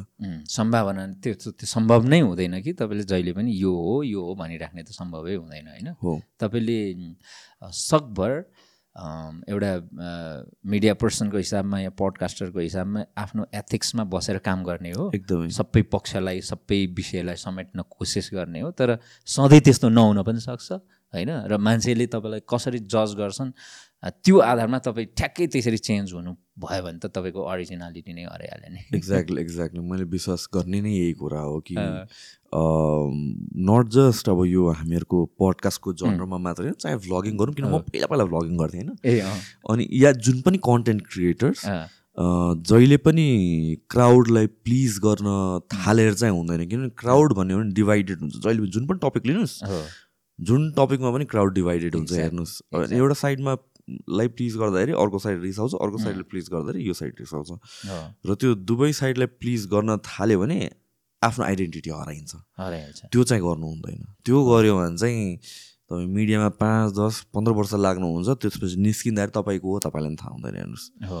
त्यस्तो थुप्रै देखाएको छौँ हामीले। हो नि हो नि। त्यो त्यो एउटा तपाईँ को हो भन्ने चाहिँ आफैले नै बनाउने कुरा हो क्या? एकदमै। होइन? अनि त्यसपछि आफ्नो जे एउटा स्ट्यान्ड हो त्यो कुरा चाहिँ सधैँ रहिरहोस् क्या। कुनै बाहिरको हुलले अथवा कोही एउटा पर्टिकुलर व्यक्तिले भनेको आधारमा तपाईँ परिवर्तित हुनुभयो भने तपाईँको मौलिकता तपाईँको अरिजिनालिटी भन्ने कुरो कहाँ जान्छ भन्ने कुरो र पोलिटिक्समा त झन् धेरै गाह्रो छ नि सर जस्तो। होइन। तपाईँले मानौँ अघि तपाईँले भन्नुभयो हर्क साम्पाङको कुरा गर्नुभयो। हर्क साम्पाङलाई मैले ल्याएर आएँ भने अब हर्क साम्पाङको मानौँ धेरै त विरोधी हुनुहुन्न। कतिपय विरोधीले चाहिँ ल ए यो चाहिँ यस्तो रहेछ भनेर उहाँको विरोधीले मलाई पनि गाली गर्न आउनुहुन्छ क्या। गर्दाखेरि त्यो त होइन नि त रियालिटी त। त्यो त्यो कुरा चाहिँ बुझिदिनु पऱ्यो सबैजनाले भन्ने कुरा हो। हो मेरोमा पनि ठ्याक्क हर्क साम साम्पाङको विरोधी पनि आउनु भएको छ होइन? तर अब त्यो सबै साइडको कुरा सुन्नुपर्छ भन्ने हिसाबले मात्र हो एक्ज्याक्टली एक्ज्याक्टली हामीले त सबैको सुन्नुपर्छ र अब तपाईँ हामीलाई त सबैजनाले हुन्छ नि आफ्नो कुरा राख्न पनि खोज्नुहुन्छ होइन? एउटा यतिको चाहिँ प्लेटफर्ममा जाउँ न भन्ने कतिपयको हुन सक्ला। मलाई त कतिपय त्यो सरकारको मन्त्रीहरूको दुई तिनजनाको आएको थियो। मेरै कम्युनिटीको पनि आएको थियो होइन? उहाँ मन्त्री एकजना हुनुहुँदो रहेछ अनि अर्को एकजना मन्त्रीको पनि आएको थियो अनि मलाई चाहिँ उहाँहरूसँग के कुरा गर्ने? मैले कुरा गर्दाखेरि खास कुरा निस्किन्छ जस्तो मलाई लागेन कि? त्यही भएर मैले चाहिँ उहाँहरूलाई चाहिँ बोलाइन बरु अब अरू आम जनतासँग कुरा गरौँ के गरौँ भन्ने हुन्छ कि? किनभने त्यो मिनिङलेस कुराकानी गरेर पनि के हुन्छ र। भन्ने जस्तो लागेर पनि मैले चाहिँ त्यो चाहिँ उहाँहरूलाई चाहिँ ठाउँ दिइनँ नै भनौँ अथवा उहाँहरूले के गुनासो गर्नुभयो होला मैले कतिपय ठाउँमा भनिदिएको पनि छु। होइन उहाँसँग कुरा गरेर मेरो केही पनि हुँदैन भनेर भनेको छु। अनि साथीले चाहिँ के भन्दै थियो मन्त्री हो यार कुनै दिन काम लाग्न सक्छ भनेर भन्दै थियो। होइन मन्त्री त हो। अब मैले राम्रो काम गरेर हिँडेसम्म मैले किन डराउनु? होइन मैले काम गलत काम गरेर हिँड्ने नराम्रो काम गरेँ भने पो कुनै दिन एउटा देशको ठुलो मान्छेले राज्यमा चलाएर बसेको मान्छेले मलाई सेभ गर्छ भनेर त्यो डर हुन्छ त। म आफ्नो हिसाबले काम गरिरहेको छु के को डर भनेको पनि अलिकति रिसायो होला तर त्यस्तै हो।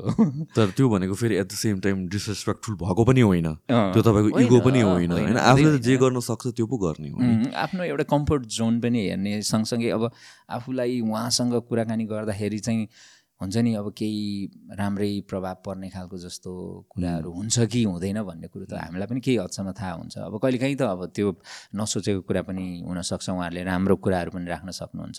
मैले खालि म म आफै उहाँसँग कुराकानी गर्नको लागि त्यति फिट पात्र होइन भन्ने हिसाबले मात्रै भने हो म। पनि त्यही हिसाबले हेर्छु यो कुरामा चाहिँ। अनि तपाईँको र मेरो यो यो यसमा चाहिँ जनर चाहिँ हाम्रो डिफ्रेन्ट रहेछ कि। जस्तो तपाईँकोमा सेलिब्रिटी एन्टरटेनर्सहरू कति आउनुहुन्छ होइन।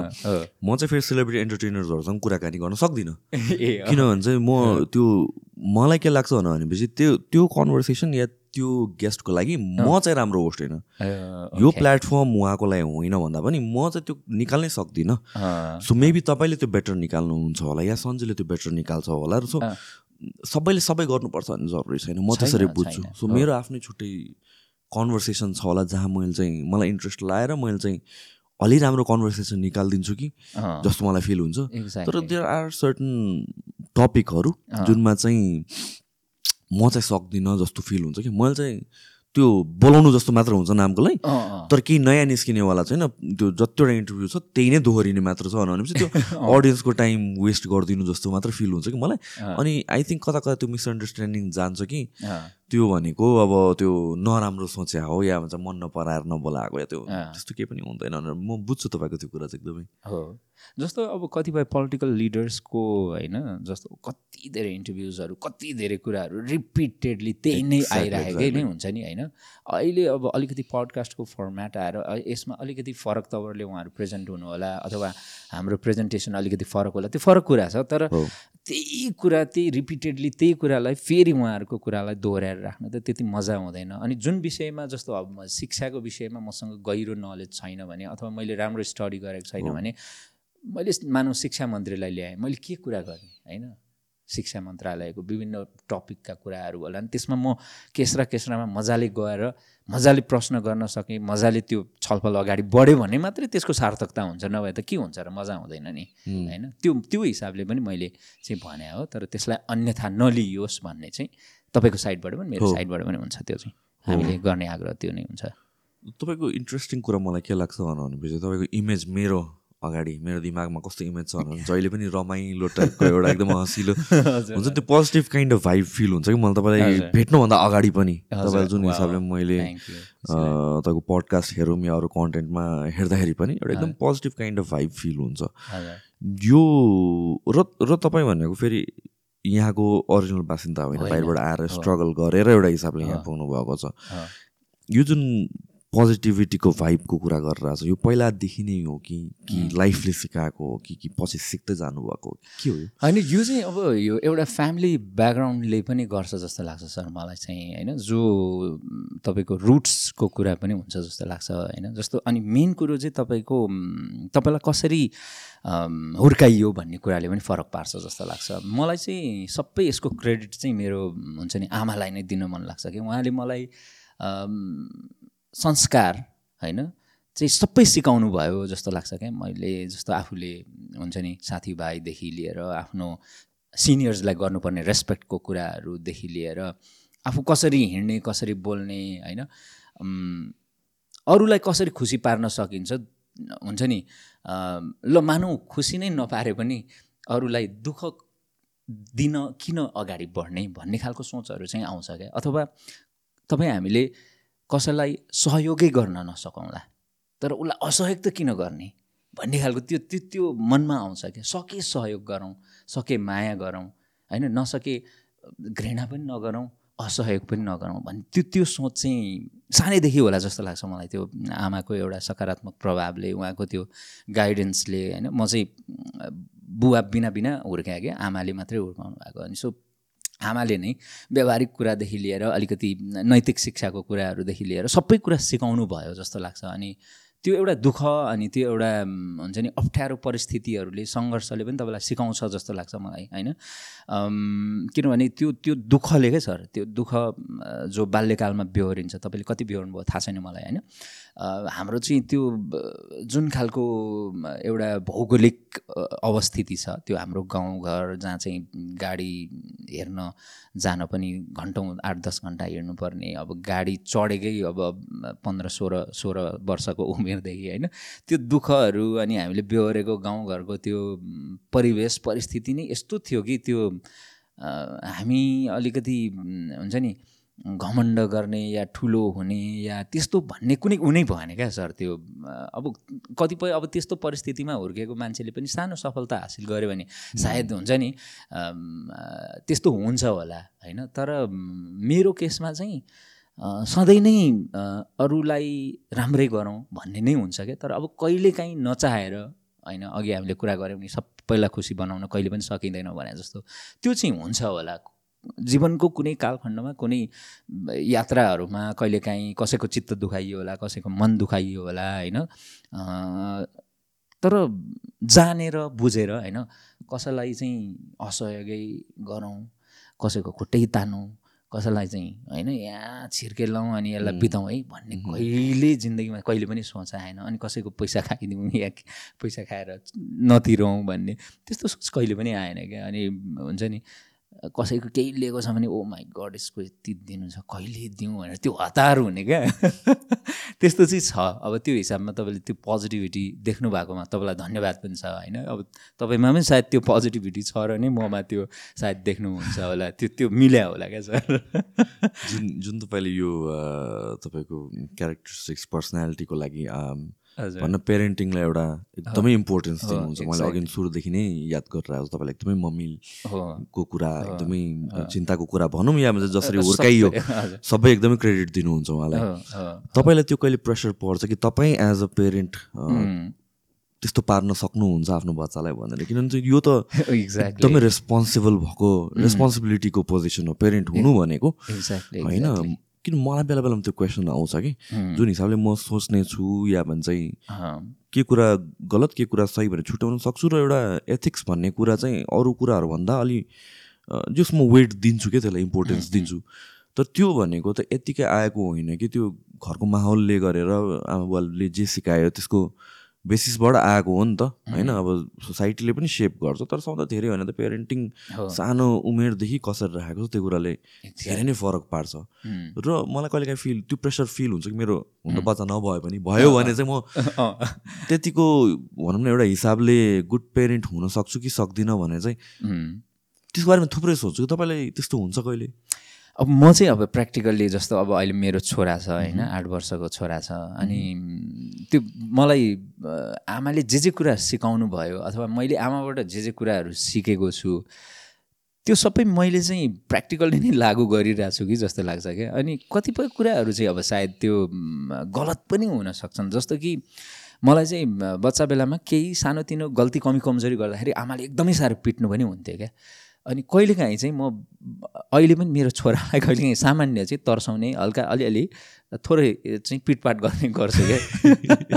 त्यो मैले आमाबाट सिकेर आएको होला त्यो नेगेटिभ कुरा सिकेँ होला। तर त्यसको पनि अब केही हुन्छ नि त्यो नकारात्मकताभित्र पनि सकारात्मकता खोज्दाखेरि भेटिन्छ होला जस्तो लाग्छ क्या। अनि मैले अघि तपाईँलाई भने नि चाणक्य नीति सुन्छु भनेर भने नि त्यसमा नि एउटा कुरा भनेको छ कि जस्तो पाँच वर्षसम्म आफ्नो सन्तानलाई चाहिँ एकदमै प्यार गरेर उसले जे माग्छ त्यही दिएर राख्नु अरे। अनि पाँचदेखि दस वर्षको जुन उमेर छ त्यसमा चाहिँ उसलाई अलिकति तर्साएर अलिकति थर्काएर हुन्छ कि के गरेर हुन्छ सिकाउने अथवा चाहिँ एउटा लाइनमा ल्याउने कुरा डिसिप्लिन दिनु पऱ्यो क्या? त्यो त्यो एजमा चाहिँ भनेर त्यो मैले सुनि पनि रहेको हुन्छु या मेरो पारिवारिक जुन मैले ब्याकग्राउन्ड जे मैले सिकेर आएँ नि त्यसमा पनि त्यो छ क्या। जस्तो मेरो आमाले हाम्रो जुन हामी चार पाँचजनाको जुन छोराछोरीको हामी फ्यामिली थियौँ अनि हामी सबैलाई चाहिँ थर्काउने तर्साउनेदेखि उत्तिकै माया गर्ने होइन? त्यो हुन्छ। अनि म छोरालाई पनि अलिअलि तर तर्साउने थर्काउने गरिरहेको हुन्छु। अनि एकैछिनमा फेरि त्यो एकदमै अति धेरै प्यार पनि गर्ने प्रेम पनि गर्ने त्यो गरिरहेको हुन्छु। अनि तपाईँले भने जस्तो सोचिन्छ पनि के ओहो मैले के गरिरहेको छु ठिक गरिरहेको छु कि छैन कि? यो गलत त होइन। किनभने अब घरिघरि अब गल्ती कमजोरी बच्चा बच्ची चकचके हुन्छ के के हुन्छ अनि त्यसलाई अलिकति सानतिनो होइन छडी लाउने त्यस्तो हुन्छ अनि भरे ला किन गऱ्यो होला? यो त गलत पो हो कि? होइन किन कतिपयले त छुनै हुँदैन बच्चा बच्चीलाई पिट्नै हुँदैन भनेर भन्नुहुन्छ नि त। अनि त्यो हिसाबले ओहो मैले गल्ती पो गरेँ कि भनेर हुन्छ। अनि फेरि मेरो मन चाहिँ यस्तो अलिकति कोमलो छ कि अनि एकछिन त्यो भयो भने अनि फेरि ला बिचरा भनेर एकदम माया लाग्छ। अनि त्यसपछि झन् धेरै माया लाग्छ क्या बच्चाको। अनि त्यो हुन्छ।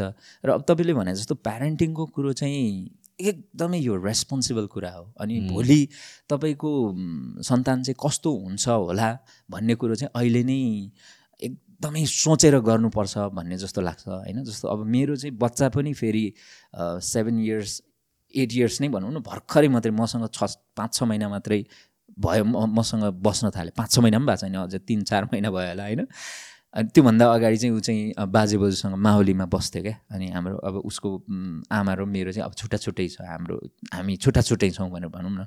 अनि त्यो हिसाबले पनि एकदमै हुन्छ नि अब आमा पनि छैन सँगै बुवा पनि छैन। भनेपछि त्यो कस्तो भयो होला त्यो बच्चा? एकदम मान्छेले भन्छ नि त तर्साउँछ नि त मान्छेले समाजमा। आमा र बुवा छुटेपछिको बच्चा चाहिँ त्यो कि एकदमै खत्रै विद्वानै भएर निस्किन्छ कि महाफटा भएर निस्किन्छ भन्ने हुन्छ नि त। अनि ला के होला उसको मनस्थिति के होला अनि कहिलेकाहीँ एकदम ऊ पनि एग्रेसिभ हुन्छ रिसाउँछ। त्यस्तो कुराहरू चाहिँ म बुझ्छु। सायद अब हामीले त्यो एकदम बच्चा बेलामा मजाले प्रपरली आमाले पनि मैले पनि केयर गर्न सकेनौँ। सायद त्यो उसलाई एक खालको त्यो रिस त्यो ऊ उसमा एग्रेसन कतिपय कुराहरू आउँछ क्या अनि अनौठो अनौठो कुराहरू आउँछ। अनि सायद त्यो कारणले होला भनेर म त्यो कुरालाई त्यसरी नै पोजिटिभ वेमा लिन्छु र बच्चालाई चाहिँ अलिकति राम्रै तवरले हुन्छ नि हुर्काउनुपर्छ।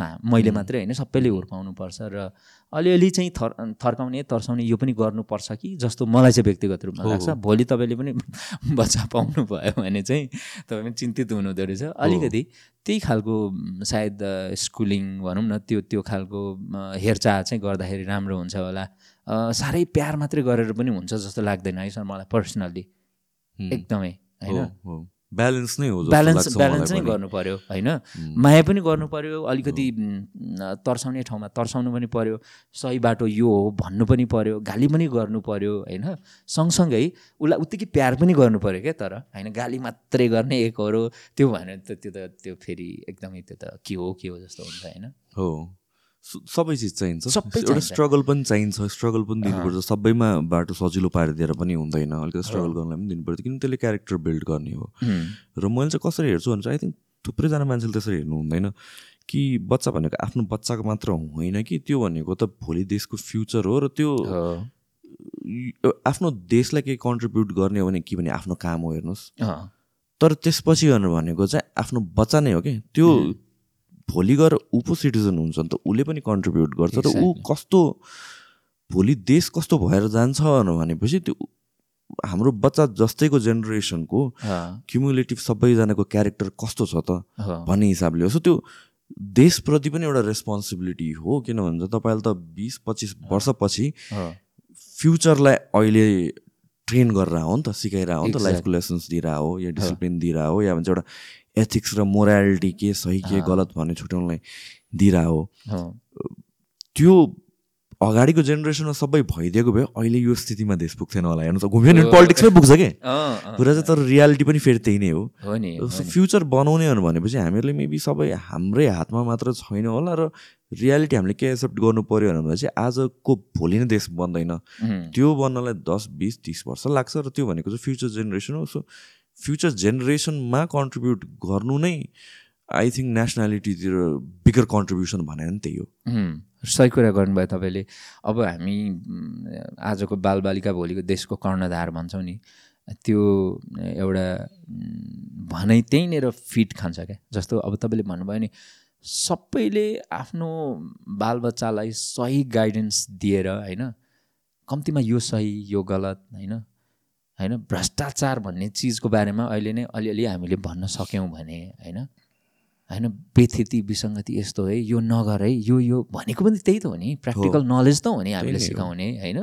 अनि बच्चा अहिलेदेखि नै ओहो यो त ठुलो यो कानुनी रूपमा नि दण्डनीय रहेछ। अथवा भोलि कानुनले पनि ठुलो चाहिँ डन्डा बजाउँदो रहेछ म माथि यस्तो गल्ती गऱ्यो भने भन्ने कुरो अहिलेदेखि नै सिकायो भने त त्यो बारेमा त उसले सोच्न पनि सोच्दैन क्या। होइन? अहिले जसरी भइरहेको छ ब्युरोक्रेसीदेखि लिएर पोलिटिसियन्सको जुन त्यो एउटा अहिले भ्रष्टाचारमा संलग्नता जुन छ नि सर तपाईँले भन्नुभयो कि त्यो जेनेरेसनले पहिले त्यो खालको एउटा नलेज पाएको भए अथवा त्यो खालको चाहिँ उनीहरूको हुर्काइ बढाइ त्यसरी भएको भए अथवा त्यो तवरको उनीहरूको संस्कार भएको भए राजनैतिक संस्कारको कुरो पनि त पारिवारिक सबै कुराहरूसँग जोडेर आउँछ होला नि त होइन? त्यो कुराहरू पाएको भए त यस्तो हुँदैन थियो होला भन्ने जुन कुरा राख्नुभयो नि त्यसमा चाहिँ मेरो एकदमै शत प्रतिशत सहमति छ सर। एकदमै एकदमै। यो चिन्ता गर्ने विषय पनि हो यो पोइन्टमा त किनभने झन् थुप्रैजना मान्छेहरू बाहिर गइरहनु भएको छ र हामीहरू जो जो बसिरहेको छौँ एटलिस्ट कतिजना फर्केर पनि आउनुहुन्छ होला। सबैको आफ्नै बाध्यता छ फेरि त्यहाँ पनि है। तर हामी एटलिस्ट जो बसिरहेको छौँ हामीहरूको नेक्स्ट जेनेरेसनलाई चाहिँ कसरी भनौँ न एउटा यो एउटा अकाउन्टेबिलिटी एउटा रेस्पोन्सिबिलिटी दिने र एउटा रेस्पोन्सिबल सिटिजन बनाउने आई थिङ्क च्यालेन्जिङ कुरा त्यो भएर जान्छ। आफ्नो करियरहरू सबै कुराहरू त छँदैछ तर करियरहरू भन्ने कस्तो हुने रहेछ भनेपछि मैले देखे अनुसार एउटा एजसम्म हुन्छ होइन? पैँतिस चालिस पचास वर्षसम्म हुन्छ। त्यसपछि चाहिँ चाहिने भनेर भनेको फ्यामिली नै रहेछ। त्यसपछि चाहिने भनेर भनेको चाहिँ मैले यत्रो वर्षसम्म आफू पछिको जेनेरेसनमा कतिको इन्भेस्ट गरेँ त्यहाँबाट रिटर्न आउने हो नि त चाहे त्यो फाइनेन्सियल रिटर्न भनौँ चाहे त्यो एउटा मेरो पेरेन्ट प्रतिको एउटा रेस्पोन्सिबिलिटी भनेर बुझ्नु होइन? त्यो सिकाउनु भनेको त्यो टेन ट्वेन्टी इयर्सको ट्वेन्टी ट्वेन्टी फाइभ इयर्सको इन्भेस्टमेन्ट नै हो। एउटा बच्चा हुनु भनेको मलाई जहाँसम्म लाग्छ चाहे हामी जतिसुकै बिजनेस गरौँ चाहे जतिसुकै काम गरौँ त्यो बच्चा हुर्काउनु जस्तो ठुलो प्रोजेक्ट र रेस्पोन्सिबल प्रोजेक्ट र गाह्रो प्रोजेक्ट केही पनि छैन हेर्नुहोस्. कतिजनालाई त्यही कारणले चाहिँ सबै यो फाइन कतिजना साथीहरूसँग कुरा गर्दा चाहिँ फाइनेन्समै कुरा गरेर अड्के चाहिँ बच्चा कस्तो एक्सपेन्सिभ हुन्छ टाइपको। तर त्यसरी हेरेर सबै कुरा पैसामा मात्र दाँजेर हुँदैन। सबै. कुरा भनेको एफर्टमा मात्र दाँजेर हुँदैन।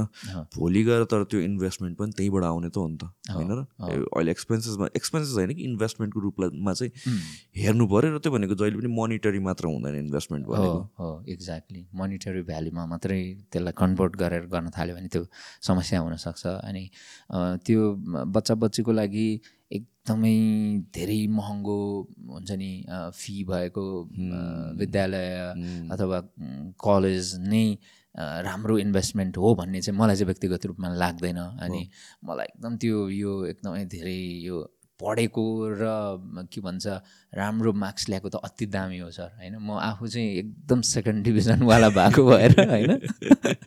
जहिले पनि एसएलसीदेखि मास्टर्ससम्म सेकेन्ड डिभिजनवाला मात्रै भएको भएर मलाई चाहिँ त्यो भएको भएर पनि र अब खोइ मेरो बुझाइ पनि क्या त्यो त्यस्तो धेरै एक्सलेन्ट पनि चाहिँदैन। म मेरो छोरालाई पनि भन्छु कि प्लिज तिमी एक नम्बरमा अथवा पाँच नम्बरमा आउनु पऱ्यो भन्ने छैन मेरो तर तिमीले ठिक्कको हिसाबमा पास हुनु पऱ्यो पास हुनु पऱ्यो राम्रो गर्नु पऱ्यो ठिक्क हुनु। म प्रेसर दिँदिनँ एकमा आउनुपर्छ टप टेनमा पनि म भन्दिनँ तर मजाले पास हुनु त्यति मात्र। मेरो मेरो फिलोसफी नै त्यही हो अनि म आफूले पनि भन्ने कुरो त्यही हो कि आफू त्यस्तो भएर हो कि के हो थाहा छैन। तर मलाई ठिक छ पास गर्नु पऱ्यो कुरो बुझ्नु पऱ्यो त्यति भयो भने हुन्छ फर्स्ट डिभिजन या डिस्टिङसन नै चाहिन्छ भन्ने चाहिँ छैन क्या। त्यसले मात्र देश बनाउने भन्ने या प्रगति गर्ने भन्ने चाहिँ मलाई व्यक्तिगत रूपमा लाग्दैन। त्यस्तो धेरै इक्जाम्पलहरू छ होइन। पढाइमा या एकाडेमिक हिसाबमा ठिक्क ठिक्क भएको मान्छेहरूले अथवा कतिपय त ड्रप आउट्सले नै कति राम्रो राम्रो गरेको इक्जाम्पलहरू पनि छ। तर फेरि एउटा दुइटा इक्जाम्पल ड्रप आउटले राम्रो गर्यो भनेर फेरि सबै त्यतातिर जानु भएन पढ्नु पऱ्यो एउटा कुरो पढ्नु चाहिँ पऱ्यो पढ्नु चाहिँ पऱ्यो होइन।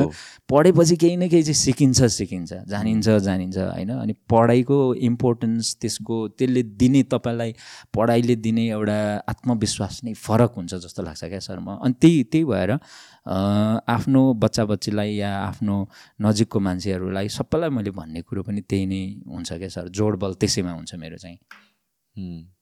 हो। जसरी पनि। त्यही नै गर्नु पर्यो एउटा? ब्याल एउटा ब्यालेन्स चाहिँ हुनु पर्यो। खालि एकाडेमिक मात्र सबै ब्यालेन्स गर्न सकिन्छ भने त झनै राम्रो भयो। तर अब ह्युमन बिङ्स हो हामी होइन? मान्छे भन्नु भनेपछि एउटा लिमिटेसन सर्टन हुन्छ नि। सो चाहिने भनेको लास्टमा चाहिँ ब्यालेन्स नै हो सबैतिरबाट ब्यालेन्स गर्न सकौँ भनेर। एउटा जमाना थियो जुन बेला सबै मेरो पनि घरमा प्रेसर एकदमै भने पढाइमा चाहिँ एकदमै प्रायोरिटाइज प्रायोरिटाइज गर्ने कि। किनभने त्यतिखेरको कुरा गर्ने भने चाहिँ अब भनौँ न पढ्ने पनि भर्खर भर्खर आएको त एक दुई जेनेरेसन त भयो होला नि नेपालमा। पढाइ सुरु भएको। होइन? र अनि त्यो नपढेर दुःख देखिया छ कस्तो हुन्छ लाइफ सो त्यो कारणले गरेर हामीहरू सबैजनाको स्पेसली मिडल क्लास फ्यामिलिजमा चाहिँ अझ अनि पढाइमै प्रायोरिटी चाहिँ एकदमै बेसी गयो र त्यो हुनु पनि पर्ने थियो स्वाभाविक हो एउटा हिसाबले। तर पढाइमा ध्यान जाँदा जाँदा अरू कुराहरूमा ल्यागिङ भएर जान्छ कि भन्ने पनि एउटा डर। हुनै रहेछ कि? हुन्छ नि। अब के गर्ने त? पढाइ पढेर के गर्ने भन्ने कुरा हुन्छ। अब हाम्रो नेपालको पढाइको त के कुरा गर्ने होइन? तर पनि फेरि यस्तै भए पनि पढ्नु पर्यो होइन। यस्तै शिक्षा भए पनि लिनु चाहिँ पर्यो क्या। यो फेरि पडकास्ट हेरेर छोराले म पढ्दिनँ भन्यो भने फेरि अर्को तनाव। तनाव हुन्छ। होइन, पढ्नु चाहिँ पर्यो। जसले पनि। पढ्न चाहिँ पर्यो होइन? हाम्रो त्यति व्यावहारिक शिक्षा छैन होइन। अनि पढिसकेपछि जस्तो अब म आफै कमर्स पढाए मान्छे अब अहिले म मिडियामा काम गरिरहेको छु होइन? पछि मैले सोसियोलोजी पनि पढ्नु पऱ्यो यही यही मेरो यो मिडियालाई अलिकति सपोर्ट पुगोस् भनेर। अनि त्यो सबै के के के नेपालमा मिलेकै छैन सबै कुराहरू तर आफैले मिलाउने हो। अघि सुरुमा भने जस्तो सबै कुराहरू आफैले मिलाउने आफैले ब्यालेन्स गर्दै जाने कुराहरू भयो होइन? अनि तर नपढी चाहिँ हुँदैन है फेरि। तपाईँले तपाईँले मास्टर्स दुइटा गर्नुभयो। मैले अँ सोसियोलोजी र कमर्समा गरेँ। सुरुमा चाहिँ कमर्समा अनि पछि सोसियोलोजीमा गरेँ। पढेको छैन भन्दा भन्दा डबल मास्टर्स चाहिँ गर्न भ्याउनु भएको रहेछ तर। अनि यस्तो पढ्नु चाहिँ पढेँ तर एकदम त्यो सेकेन्ड डिभिजन क्या? गान्धी डिभिजन पनि होइन सेकेन्ड डिभिजन प्लस टू त अझ मैले कति फोर्टी फोर पोइन्ट कति ल्याएर झन्डै मात्रै के भन्छ सेकेन्ड डिभिजन पनि अलिकतिले मात्रै नपुगे। कस्तो प्रेसर क्या? अब ठिकै छ त्यो पनि किनभने गाउँबाट झरेर अनि त्यो न ट्युसन पढाएछ न के पढाएछ अनि सुरुमा नेपाली मिडियममा पढाएँ अनि पछि अङ्ग्रेजीमा एकैचोटि जम्प गर्दाखेरि चाहिँ अब त्यो रहर क्या फेरि अङ्ग्रेजीमा दिँदाखेरि अलिक केही भयो टाइपको क्या प्लस टू टाइपको क्या त्यो त्यो बेलाको टाइममा अनि हुन्छ भनेको अनि अलिक गाह्रो गाह्रो भएको थियो। अनि म्याथ चाहिँ एकदमै विक क्या मेरो चाहिँ।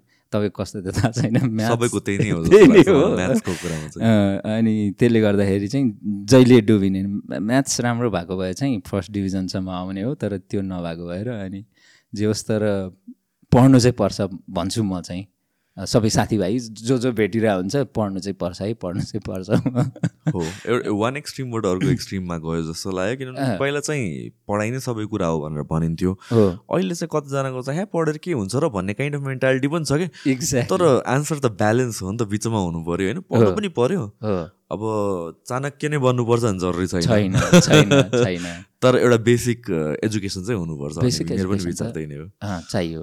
सँगसँगै अब अहिले चाहिँ सबै कुरा आइसकेको छ होइन? हामीसँग प्रविधि पनि छ सबै कुराहरू छ। अनि लगभग लगभग अबको जेनेरेसनले चाहिँ म कहाँ जाने भन्ने कुराहरू लगभग लगभग चिन्न थालेको छ जस्तो लाग्छ है मलाई सर। अब त्यो तपाईँलाई कस्तो लाग्छ थाहा छैन। जस्तो अब म म कता जाने के बन्ने भन्ने कुराहरू अलिअलि अबको जेनेरेसनमा त्यो चर्चा हुन थालिसकेको छ। तपाईँको पडकास्ट जेनरली यङ्स्टर्सहरूमा पनि राम्रो जाने भएको हिसाबले पनि मैले भनिरहेको छु कि अबको यङ्स्टर्स साथीहरूले चाहिँ अब आफू के बन्ने के गर्ने भन्ने चाहिँ आफ्नो इन्ट्रेस्टको सेक्टरमा चाहिँ परिवारलाई पनि मजाले भन्नु पऱ्यो अनि त्यही कुरामा लाग्नु पऱ्यो पढ्नु पऱ्यो मेन कुरो।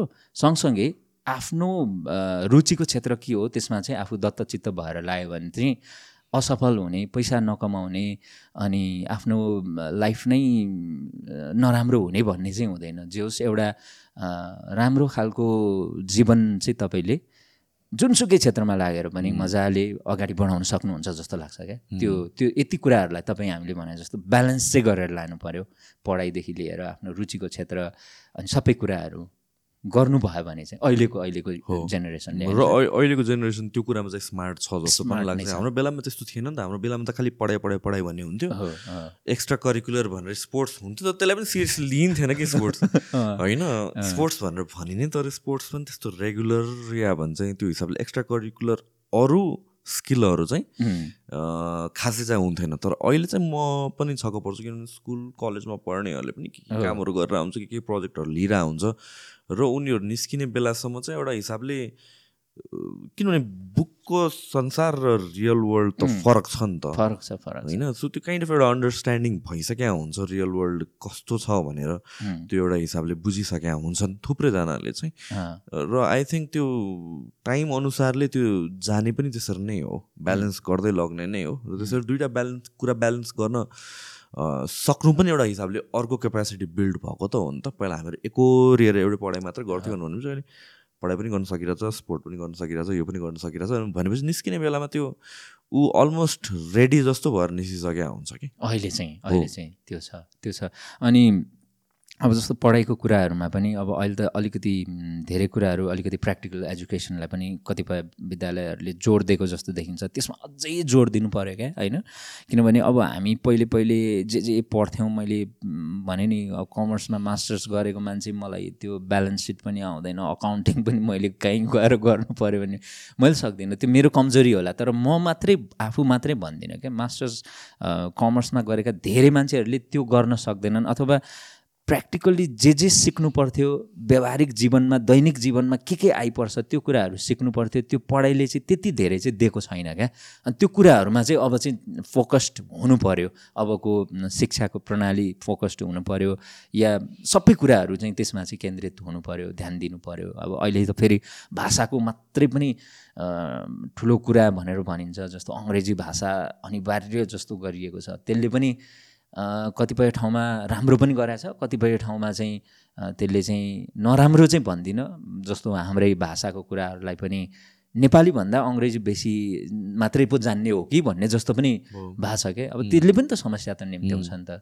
आफ्नो भाषा चाहिँ भुल भुलिदिने नेपाली भाषा भुल्ने अथवा अरू मातृभाषाहरू चाहिँ भुल्ने अनि अङ्ग्रेजी मात्रै जाने भने भोलि हामी एक हिसाबले एउटा वर्ल्डको सिटिजन मजाले त भइएला तर त्यो सँगसँगै आफ्नो के हो रुट्स भन्ने पनि त भुलिएर हिस्ट्री चाहिँ बिर्सिन्छ भन्ने हो, हिसाबले चाहिँ। त्यो कुरा चाहिँ हामीले ख्याल गर्नुपर्छ जस्तो मलाई लाग्छ व्यक्तिगत रूपमा। हो हो। कफी लिनुहुन्छ?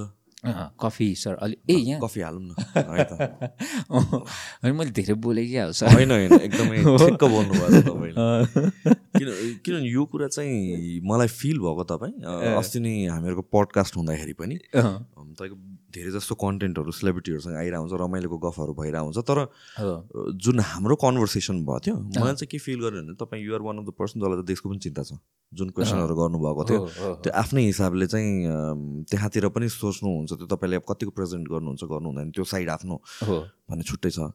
तर एज अ पर्सन र एज अ सिटिजन पनि तपाईँले त्यो एउटा रेस्पोन्सिबिलिटी। भनौँ न त्यो सोच्नुपर्ने हिसाबले सोच्नुभएको छ र कति कुराहरूको भन्न तपाईँको दिमागमा गइराख्ने कुराहरू चाहिँ हो दिमागमा सोचिराख्ने छलफल गरिराख्ने काइन्ड अफ कुराहरू चाहिँ हो। यो मोमेन्टमा तपाईँले मलाई यो मलाई पनि सोध्नु भएको थियो यो क्वेसन म तपाईँलाई सोध्छु म त्यतिखेर मैले तपाईँलाई भनेको पनि थिएँ मैले बचाइरहेको छु मेरो भनेर। तपाईँलाई चाहिँ चिन्ता लाग्ने चाहिँ कुरा के हो यहाँ देशको कुरा आउँदाखेरि चाहिँ? यो कस्तो खतरा चिज हो क्या यो। देशको कुरा आउँदाखेरि वाट नेक्स्ट भन्ने नै होला जस्तो लाग्छ हौ सर मलाई। भन्नाले अब के त? अब अब अब के? अब हामीले गर्ने के? अथवा यहाँको जनताले अब गर्ने के? उहाँलाई हुने के? भन्ने कुरा नै सबभन्दा ठुलो चिन्ताको विषय जस्तो लाग्छ क्या। कसरी आफ्नो जीवन निर्वाह गर्ने? कसरी जीविकोपार्जन गर्ने भनौँ न एकदम सामान्य भाषामा भन्दा। त्यो कुरा नै मुख्य समस्याको रूपमा अहिले चाहिँ देखिराखेको छ आम जनताको कुरा गर्दाखेरि है। अनि त्यो नै सबभन्दा ठुलो एउटा चुनौती हो जस्तो लाग्छ आजको दिनमा कि युवा पलायनको कुरा गर्नुहोस् या चाहिँ बेरोजगारीको कुरा गर्नुहोस् या व्यथितिको विसङ्गतिको कुरा गर्नुहोस् या पोलिटिक्समा जुन तपाईँहरूको असन्तुष्टि आम जनतामा छ होइन सर? तपाईँले त धेरै पोलिटिसियन्स या इन्टलेक्चुअल पर्सनालिटिज पनि ल्याएर गफ गर्नुहुन्छ होइन? सबैको चिन्ता चाहिँ अब परिवार कसरी पाल्ने घर कसरी चलाउने? एकदमै यो त बेसिक निड्सको कुराहरू हो नि त। यो कुरामा नै चिन्ता भएर अनि बाध्यताले मान्छे चाहिँ अहिले दिनमा दुई हजारको सङ्ख्यामा अथवा महिनामा साठी हजारको सङ्ख्यामा चाहिँ विदेश जानु परिरहेको छ। त्यो त म्यासिभ हो। यसरी त आउटफ्लो भएको चाहिँ मलाई थाहा छैन पहिला योभन्दा त्यही त यो त दिन दोगुना रात चौगुना भने जस्तो बढ्या बढै छ। अनि यो एउटा हाम्रो ट्रेन्ड जस्तो कल्चर जस्तो भएको छ। अनि सबभन्दा ठुलो चिन्ताको विषय चाहिँ आजको दिनमा चाहिँ यो नै हो कि युवा जनशक्ति कतिपय अवस्थामा जस्तो सामान्य एसई पास गरेका या एघार बाह्र पास गरेर गएका व्यक्तिहरूको कुरा आफ्नो ठाउँमा होला धेरै सङ्ख्या ठुलो सङ्ख्या त्यस्तो पनि छ। तर धेरै दक्ष जनशक्ति पनि विदेश भाँसिरहेको अवस्था छ क्या सर इन्जिनियर्स होइन? होइन? अनि त्यस्तो हामी दक्ष जनशक्तिलाई पनि यो देशमा राख्न सकिरहेका छैनौँ। अब त्यो भनेको चाहिँ चिन्ताको विषय हो। अब यसो हेर्दाखेरि हाम्रो प्राकृतिक रूपमा पनि हामी सम्पन्न छौँ होइन? सुन्दरताको हिसाबमा अनि हामीले कृषिको उपार्जन गरेर खान सक्ने धेरै अवस्था पनि देख्छौँ जस्तो म आफै गाउँबाट आएको मान्छे पहिले पहिले हामीले दुई छाक दुःखले किन नहोस् हामी आफै उत्पादन गरेर खान्थ्यौँ क्या भन्नाले हामीले कहिले पनि त्यो बजारको किनेर खाएका थिएनौँ। एउटा एउटा सर्टन एजसम्म र पछि पछि अब बिस्तारै त्यहाँ गाउँघरमा बगडा भन्थ्यो क्या बगडा भनेको चाहिँ तपाईँको चामल सेतो चामल चाहिँ बाहिरबाट ल्याएकोलाई चाहिँ बगडा भन्थ्यो हाम्रो गाउँघरतिर है। त्यस्तो त्यो चामलहरू बिस्तारै भित्रिँदै गयो। त्यसपछि तपाईँको चौचौहरू भित्रिँदै गयो। त्यसपछि बियरहरू भित्रिँदै आए गाउँघरमा भन्नाले त्यो हामी कति परनिर्भर हुन थाल्यौँ भन्दाखेरि गाउँघरमा सुरुमा जुन जुन चिजहरू उत्पादन हुन्थे र हामी आफै आत्मनिर्भर थियौँ कम्तीमा आफूले खानको लागि। अनि त्यो कुराहरू त पहिले त लाउनको लागि पनि लाउने कुराहरूमा पनि हामी आत्मनिर्भर थियौँ। पहिले पहिले गाउँघरकै कुरा गर्दाखेरि अथवा जहाँको नेपालकै कुरा गर्दाखेरि पनि। तर त्यो चिजहरू बिस्तारै बिस्तारै चाहिँ हामी परनिर्भर हुन थाल्यौँ। अनि त्यसपछि हाम्रो इकोनोमीको कुरा पनि जस्तो अरूमै भर पर्नुपर्ने होइन? आयातमा भर पर्नुपर्ने सबै कुरा बाहिरबाट ल्याउनु पर्ने भन्ने कुराहरू। त्यस्तो कुराहरूले गर्दाखेरि नै होला सायद हाम्रो इकोनोमी डामाडोल भएको र हाम्रो सबै युवाहरू विदेश पलायन भएको र पछिल्लो समय अघि हामीले भने जस्तो जुन दक्ष जनशक्ति अथवा पढे लेखेकै मान्छेहरू र केही स्किल भएको म्यान पावर पनि जसरी बाहिरिँदैछ त्यो चाहिँ अलिकति भयानक हो कि डरलाग्दो विषय हो चिन्ताको विषय हो कि भन्ने जस्तो लाग्छ। अनि एउटा जुन हाम्रो मध्यमवर्गीय परिवारको कुरा गरौँ अथवा निम्न मध्यमवर्गीय परिवारको कुरा गरौँ न उनीहरूलाई कति धेरै समस्या छ क्या अहिले? जस्तो म आफै सोध्छु कि ओ माई गड कति गाह्रो कति गाह्रो छ क्या हामीलाई अहिले? होइन? के खाने के लाउनेदेखि लिएर सारा कुराहरू सिस्टमको समस्या छ के छ के छ यो समस्याको कुरा गऱ्यो भने चाङ धेरै लामो हुन्छ सर होइन? तर फेरि त्यसो भन्दै गर्दाखेरि हुनै नसक्ने हुँदै नहुने भन्ने परिस्थिति त्यो एउटा भौगोलिक बनावटको हिसाबले प्रकृतिको हिसाबले सबै हिसाबले त्यो स्थितिमा पनि हामी होइनौँ नि फेरि होइन? गर्न सक्यो भने फेरि हुने चान्सेसहरू छ। मलाई जहाँसम्म लाग्छ अलिकति यो हाम्रो पोलिटिक्स को कुराहरूमा जस्तो अलिकति बढी इमान्दारिता सँगसँगै यो अहिले जुन विभिन्न लुप होल्सहरू जो जस्तो देखिन्छ नि त्यस्तो चिजहरू मात्रै सबै इमान्दार भएर काम मात्रै गर्ने हो भने पनि धेरै कुराहरू मिल्छ जस्तो लाग्छ है सर मलाई व्यक्तिगत रूपमा।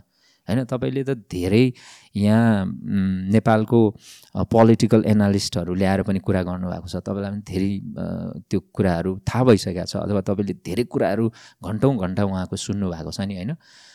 त्यो हिसाबले समस्याहरू एकदमै छन् तर समाधान हुँदै नसक्ने भन्ने पनि जहाँसम्म लाग्छ मलाई छैन जस्तो लाग्छ है सर। होइन? अब अहिलेको हामी जति सचेत भएको अथवा हामी जति केही कुरा बुझेको मान्छेले केही गर्न सकिने ठाउँहरू पनि छ। कहिलेकाहीँ त ओहो पोलिटिक्समा लाग्दिउँ क्या हो यार सबै छोडेर भन्ने जस्तो पनि हुन्छ। त्यो भावना होला। कुनै दिन लागि आफ्नो ठाउँमा छ। तर पनि साँच्चै अलिकति इमान्दार मान्छेहरू मात्रै आयो भने चाहिँ धेरै राम्रो हुन्छ क्या। अब यो पोलिटिक्स नै प्रोफेसन भयो सर। अब गाउँघरमा गयो भने त्यस्तै छ।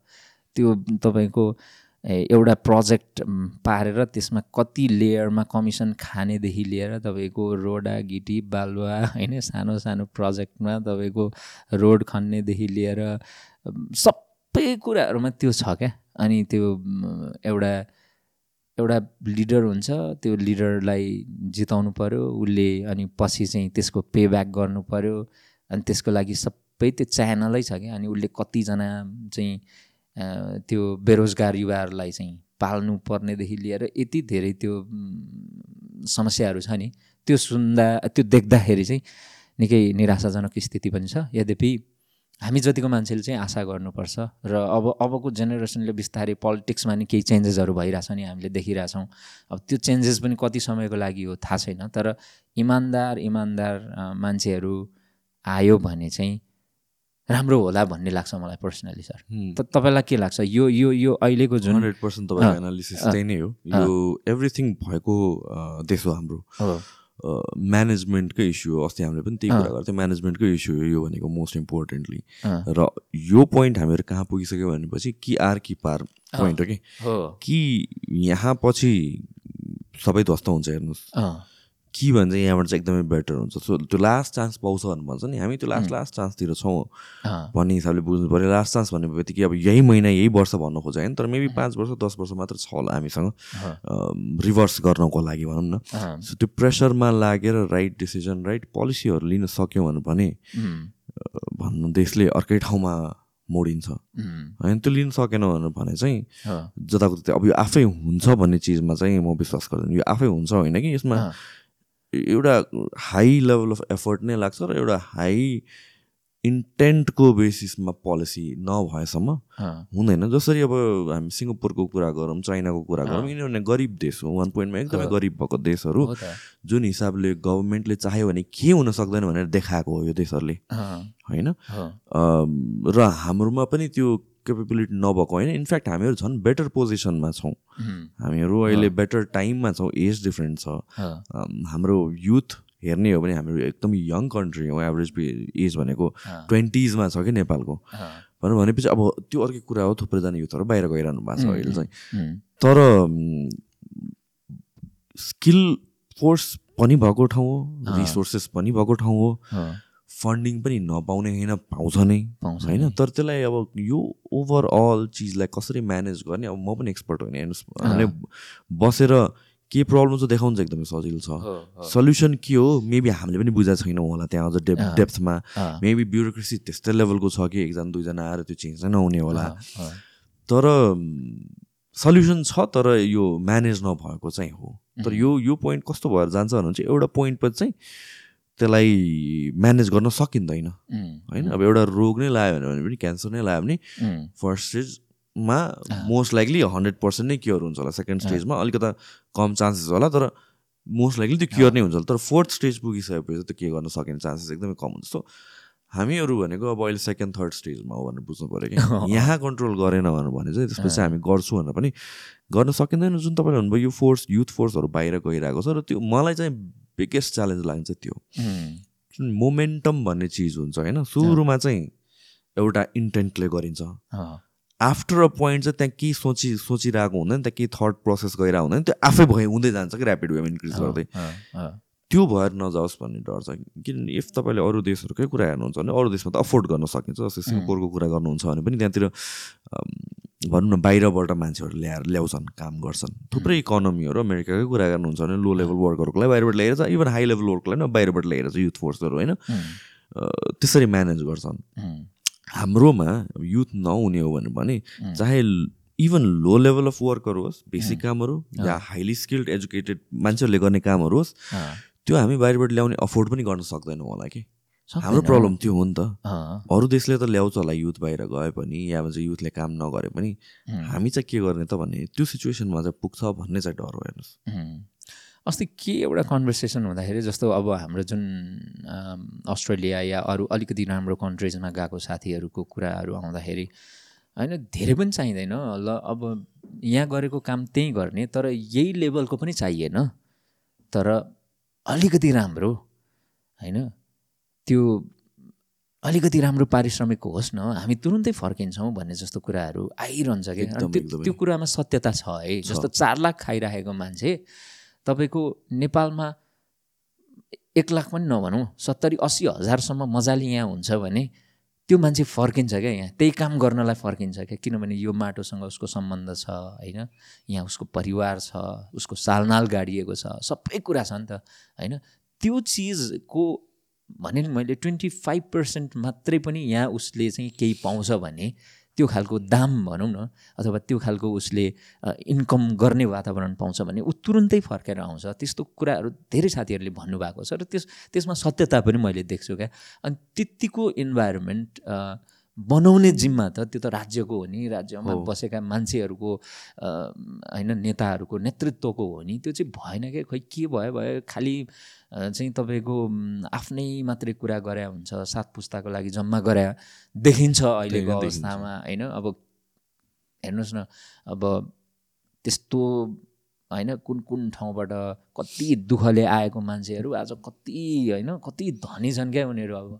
कम्युनिस्टको नाममा होस् या चाहिँ अरू पोलिटिकल पार्टिजको नाममा। अब कम्युनिस्ट त अझ साँच्चै भन्यो भने त त्यस्तो नहुनु पर्ने ठ्याक्क अपोजिट त्यसैको अपोजिटमा त आएको विरोध आएको होइन र? त्यस त्यसैको विरोध गर्न होइन अब व्यक्तिगत सम्पत्ति होइन निजी सम्पत्तिहरू राख्नु हुँदैन। होइन?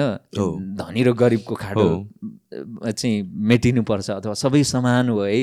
होइन? उनीहरूको त फेरि अब कहाँसम्मको उनीहरूको त मिसन अथवा कुरा होइन? साम्यवादसम्मको कुरा। त्यस्तो नारा लाएर आएको मान्छेहरू अब आज उनीहरू आफै चाहिँ सबैभन्दा धनी सबैभन्दा पैसावाल सबैभन्दा आलिसान महलमा बस्ने उनीहरू हुन्छन् भने त्यहाँ बादको मात्रै कुराले पनि त कसरी विश्वास गर्ने?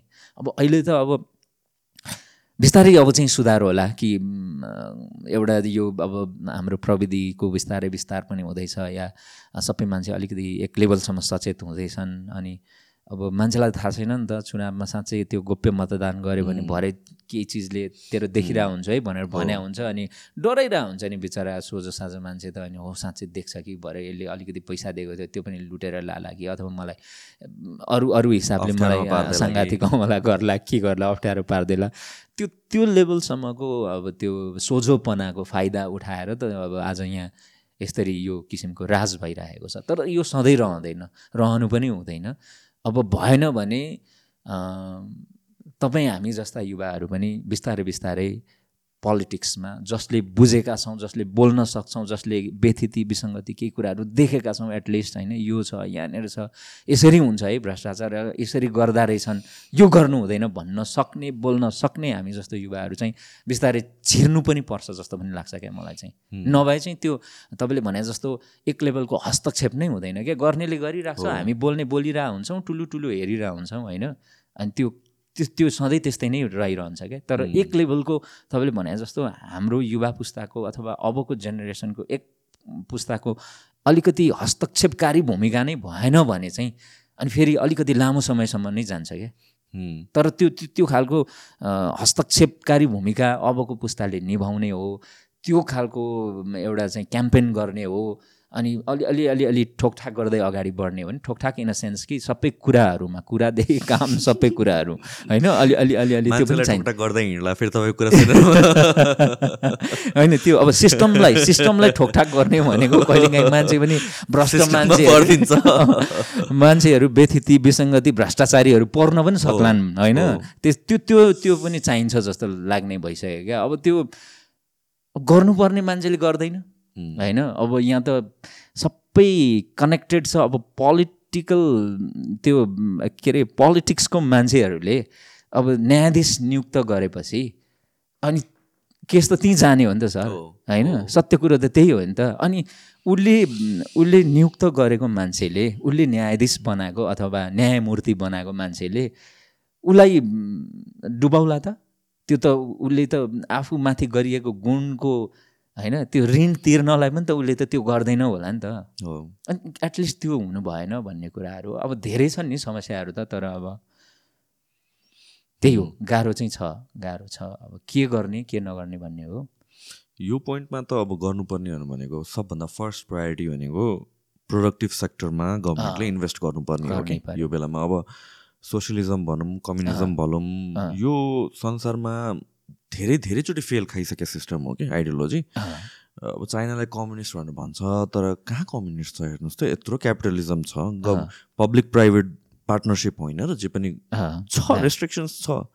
कम्युनिजमको सर्टन एस्पेक्टहरू हामी देख्छौँ होला।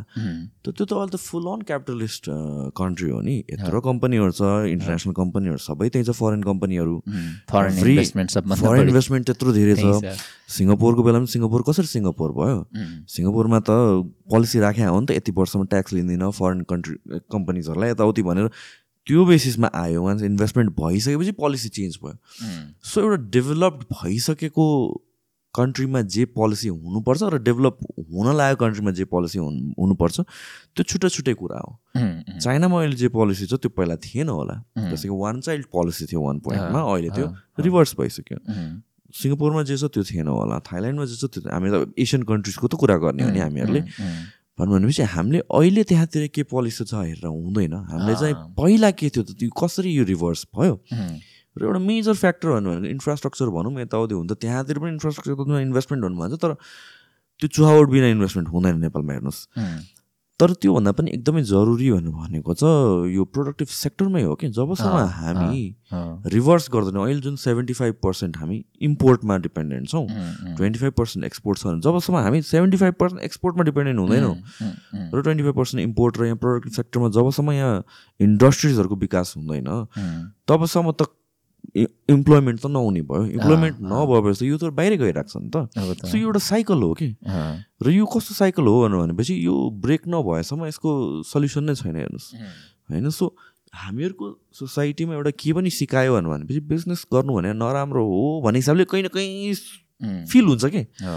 बिजनेसम्यान भनेको अलिकति एनिमी टाइपको हिसाबले हेर्छौँ होइन? सबै businessman of course morally ethically right हुँदैनन्। होइन त्यहाँ करप्सन गर्ने होला ट्याक्स छल्ने होला यताउतिहरू होला। तर त्यो सँगैसँगै हामीले त्यसरी ब्ल्याक एन्ड व्हाइटमा सबैलाई पेन्ट गर्न चाहिँ मिल्दैन एउटा होइन?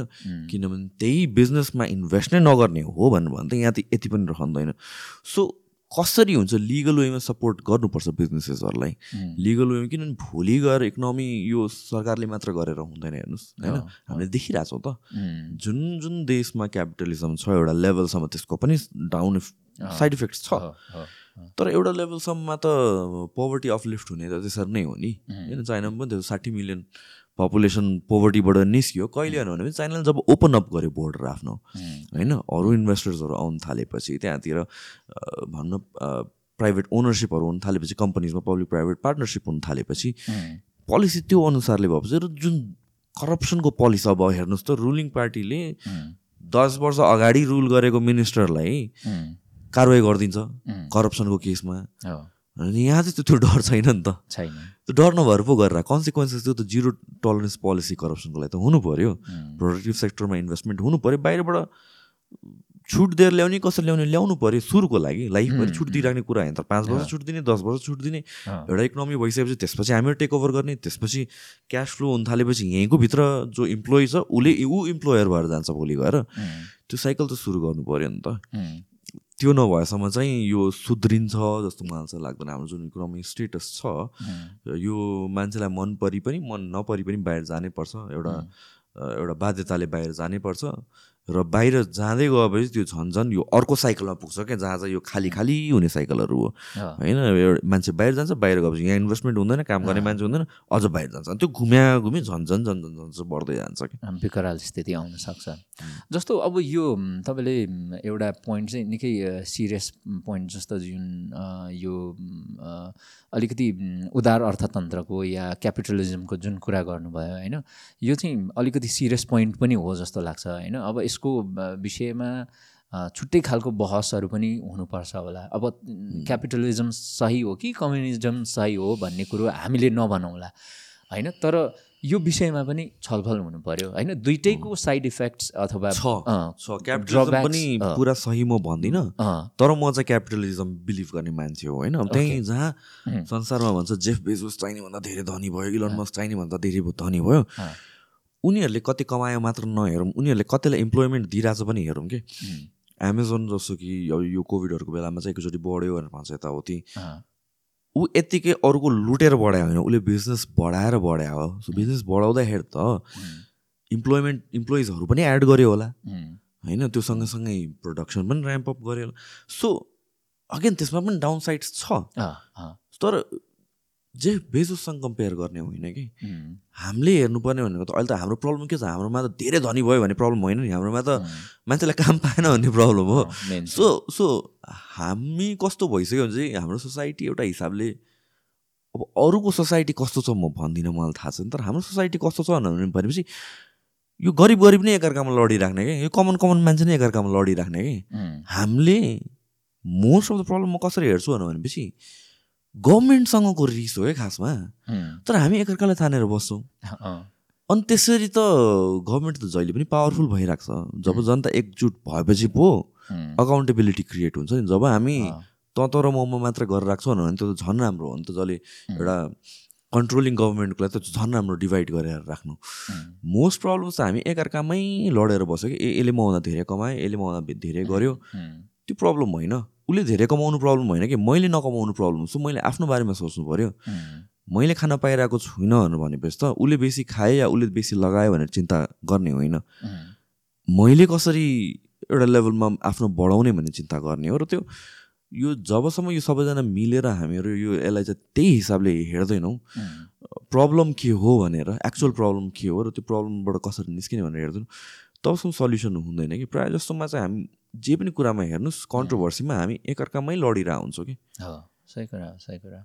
तपाईँले भने जस्तो एउटा आत्मनिर्भर अर्थतन्त्रको लागि प्रोडक्टिभ सेक्टरमा जानु सबैभन्दा बेसिक कुरा अहिलेको होइन? यो हामी सबैले बुझ्नुपर्ने कुरा होइन। हामी आत्मनिर्भर हुनको लागि हामी प्रोडक्टिभ सेक्टरमा जानै पर्यो। हामीले प्रोडक्सन गर्नु पर्यो होइन। उत्पादन। चाहिँ गर्नु पर्यो क्या। होइन आफूले। खानको लागि आफैले उत्पादन गर्नु पर्यो सबभन्दा बेसिक कुरा। अनि त्यसपछि अब त्यो वादहरूको कुरामा विवाद होला त्यो। कुरा होला। मलाई चाहिँ अब जस्तो मलाई व्यक्तिगत रूपमा तपाईँलाई फरक लाग्न सक्छ मलाई फरक लाग्न सक्छ आफ्नो आफ्नो आइडिया हुनसक्छ म अब कम्युनिजम पनि भन्दिनँ क्यापिटलिजम पनि भन्दिनँ होइन?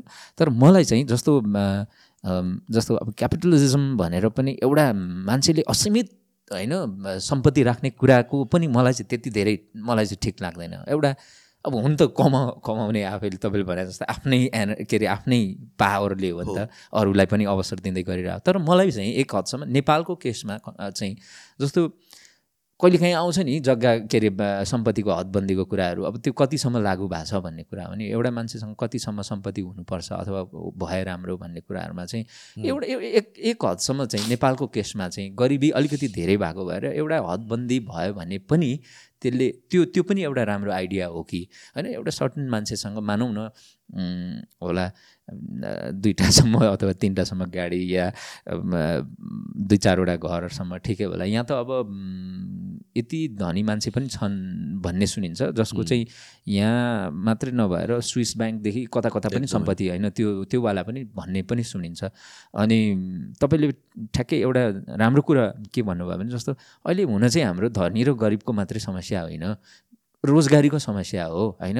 त्यो त्यो कुरा पहिले सम्बोधन हुनु पऱ्यो भन्ने। त्यो एकदम त्यो पोइन्टमा म समर्थन गर्दै तर एक हदसम्म चाहिँ यो जस्तो हुन्छ नि धनीहरूलाई अति धनी बनाउने कुराहरूमा पनि केही एक हदसम्मको हदबन्दी हो। होइन? अनि यो दुइटै आइडियाको कम्युनिजम र क्यापिटलिजमको एउटा मिश्रित रूप पनि हुन सक्ला कि अथवा फ्युजन त्यो आइडिया हुन सक्ला कि अरू अरू कुराहरू जस्तै।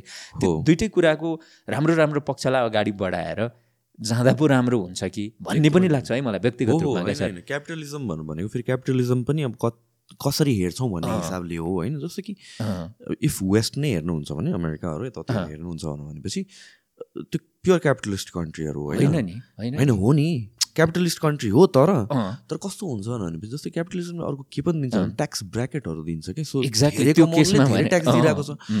सो त्यो चिजहरू राख्नु पऱ्यो। अर्को भनेको चाहिँ सिलिङ अप्पर सिलिङ भन्दा पनि लोवर सिलिङ राख्नुपर्छ। जस्तो कि अब कोही कमाउँदै नकमाउने मान्छे छ भनेपछि के सिस्टम चाहिन्छ? ट्याक्स कसरी गर्ने? त्यो त अब इकोनोमिस्टहरूले फिगर आउट गर्ने कुरा हो। तर लोवर सिलिङ चाहिँ एउटा हुनु पऱ्यो कि यति चाहिँ सबैले कमाएको होस् है। खाने चाहिँ वातावरण होस् है। हस्पिटल जाने वातावरण चाहिँ होस् है। सो हामीले अप्पर सिलिङ पनि त्यसको पार्ट होला। तर त्योभन्दा ध्यान दिनुपर्ने कुरा चाहिँ लोवर सिलिङ हो कि।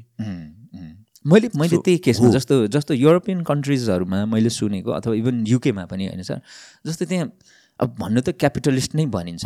तर अब हाम्रो हाम्रो पनि त अब अहिले त क्यापिटलिस्ट नै होला काइन्ड अफ होइन तर त्यो हिसाबले जस्तो त्यहाँको कुरा गर्दाखेरि बरु त्यहाँ केही कम्युनिजमको प्र्याक्टिसहरू भएको छ कि भन्ने जस्तो पनि लाग्छ क्या इभन क्यापिटलिस्ट कन्ट्री हुँदै हुँदै पनि किनभने त्यहाँनिर अम, त्यो हदसम्मको हुन्छ नि गरिबी अथवा पोभर्टी छैन क्या। भन्नाले मान्छेलाई बेसिक निड्स खान बस्न स्वास्थ्य उपचार पढ्नको कुराहरू त्यो त्यो त्यसमा चाहिँ समानता हुनु पर्यो हो त्यो त्यो त्यो त त्यो त त्यहाँ त कम्तीमा देखिन्छ नि त। हो। होइन?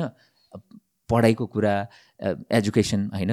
त्यसपछि तपाईँको हेल्थको कुरा होइन? यो कुराहरू गभर्मेन्ट लेभलबाटै चाहिँ तपाईँले पुरा गरिदिइसकेपछि अथवा त्यो त्यो त्यो कुरामा समानता भइसकेपछि अरू कुरामा त कम्पिटिसन होस् न। हो। यो ठ्याक्क अस्ति एउटा मैले पडकास्ट गरेको थिएँ इकोनोमिस्टसँग जुन हिजो हिजो कि अस्ति मात्र रिलिज भएको थियो कि उहाँले एउटा एकदम इन्ट्रेस्टिङ कुरा भन्नुभयो जस्तो उहाँ चाहिँ स्विडेनमा पढ्नु भयो हो होइन? ए अनि स्विडेनमा चाहिँ सरकारले भनौँ न एजुकेसन लिभिङहरू सबै फ्री गरिदिने रहेछ। अनि त्यसपछि के भन्ने रहेछ भने बिस वर्षपछि तँलाई जुन बेला मन लाग्छ कमाएर दे। ए। केही छैन यति यति दिनुपर्छ। उति दिनुपर्छ केही छैन। तर त्यो कसरी त्यो भनेको त बेसिकली एउटा एउटा जुन अन्डरलाइन छ जुन एउटा. सिलिङ छ ग्रास रुट लेभलमा सिलिङ हालिदियो हो नि त कि बस्न खान चाहिँ प्रब्लम नहोस् एजुकेसन प्रब्लम नहोस् यो फ्री हो भनेर। होइन सरकारले? र त्यो कसरी अचिभ भयो भनेर भन्दा चाहिँ हाई ट्याक्सेसको कारणले भनेर भने त्यहाँ धनीभन्दा धनी पनि छ। तर highest level of tax bracket हुन्छ पचपन्न पर्सेन्टसम्म छ अरे कि?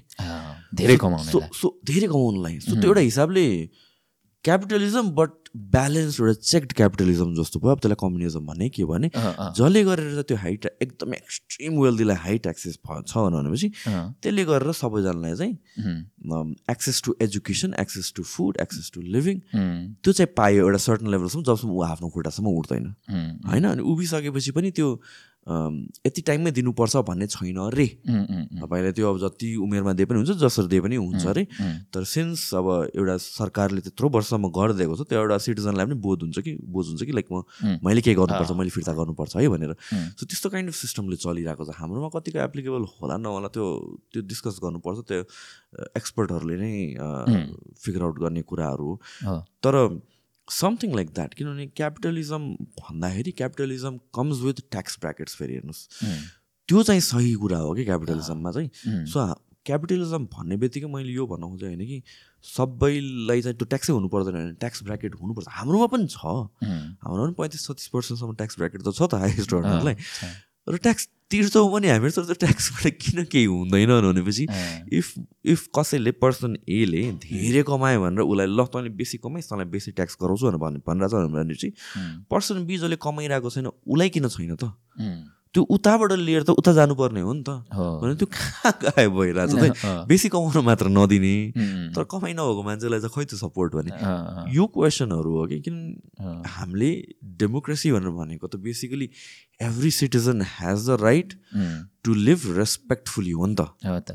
रेस्पेक्ट हुनु पर्यो। गरी खाने इन्भाइरोमेन्ट हुनु पर्यो। र यो त मिडल क्लास मा पनि प्रब्लम आइसक्यो। गरी खाने वातावरण छैन होइन बाहिर जानु कारण त्यही त होइन र? त्यही त हो नि। यहाँ भएको भए त किन जान्थ्यो? यो सबै भनेको म मैले चाहिँ हेर्ने भनेको धेरै कुराहरू होला सानो सानो कुरा। ओभरअल एउटा शब्दमा भन्नु पऱ्यो भने चाहिँ यो म्यानेजमेन्ट इस्यु हो हेर्नुहोस्। मैले बुझेँ चाहिँ त्यसरी छु कि म्यानेजमेन्ट इस्यु हो। गर्न चाह्यो भने हो ड्रास्टिक स्टेप्सहरू लिनुपर्छ होला। तर यो पाँच वर्ष दस वर्षमा रिभर्स हुन नसक्ने सिचुएसन चाहिँ होइन। त्यो कसरी गर्ने भनेर भने चाहिँ अगेन म फेरि राइट पर्सन होइन मेबी त्यो। त्यसको आन्सर हुनको लागि। त्यसमा चाहिँ अगेन त्यसैले त एक्सपर्टहरू हामीले रोकेर राख्न सक्नु पर्यो। एक्सपर्टहरूलाई यस्तो थिङ्क ट्याङ्कहरूमा राख्न सक्नु पर्यो। र तर हाम्रो थिङ्क ट्याङ्क पनि जब म कुरा गर्छु एक्सपर्टहरूसँग कोही इकोनोमिस्ट हुन्छ वर्ल्ड क्लास। इकोनोमिक पोलिसी बनाउने बेलामा मलाई केही पनि क्वेसन आउँदैन मलाई। मेरो ओपिनियनै लिइँदैन।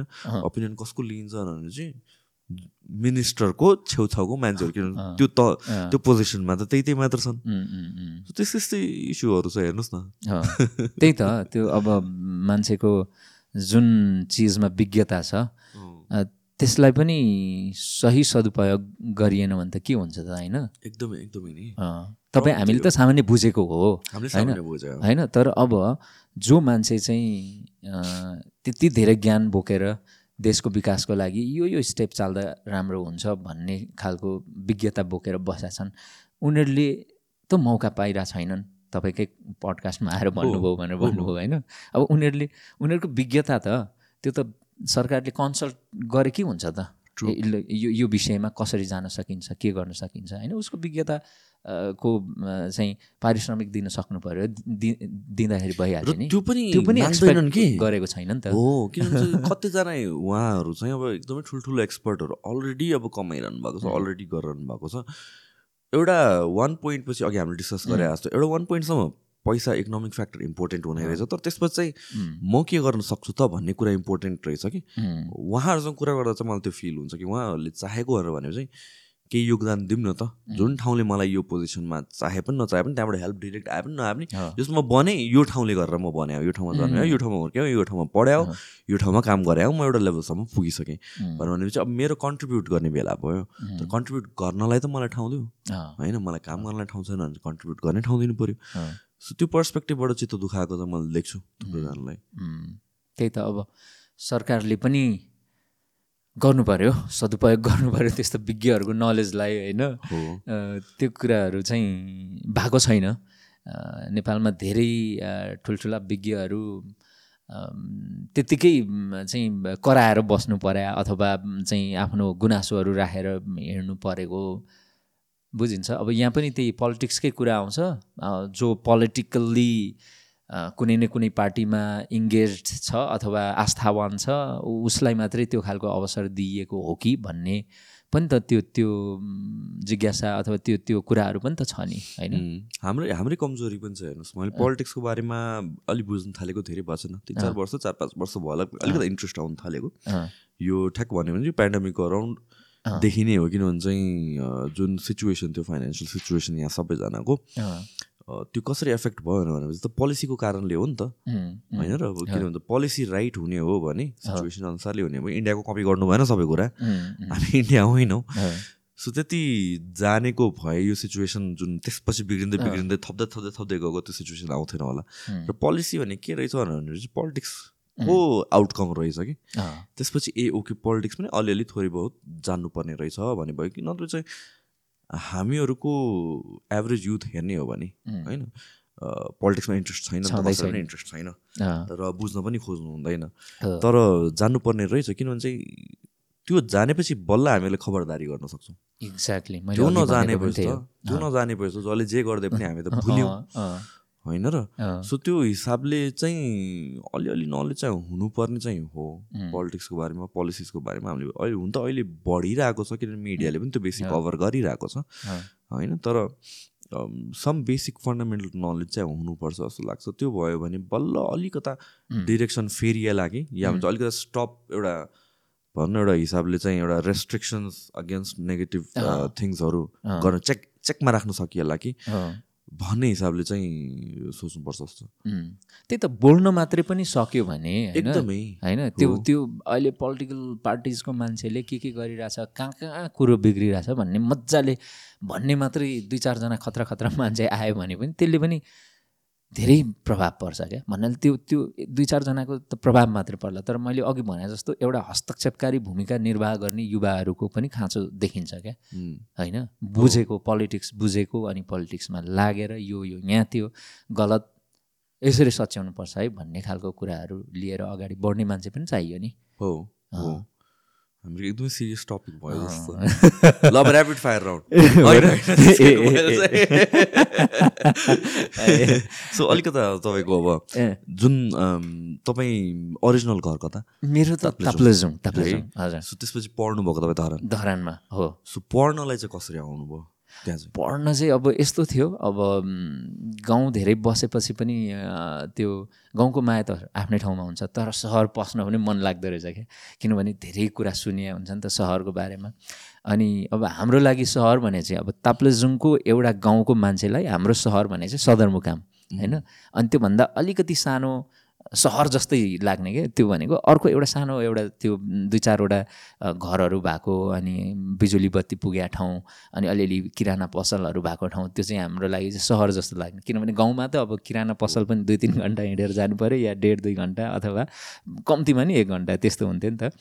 त्यो हिसाबले सहर पस्नुपर्छ अथवा अब अलिकति ठुल्ठुलो कुराहरू हेर्नुपर्छ भन्ने कुराहरू। अनि अब हामी म जहाँ जहाँ जन्मेको घर थियो त्यहाँबाट चाहिँ यसो त्यो घाम झुल्केकोतिर हो कि कहाँ? अँ होइन जे होस् यो यो साइडमा पर्थ्यो।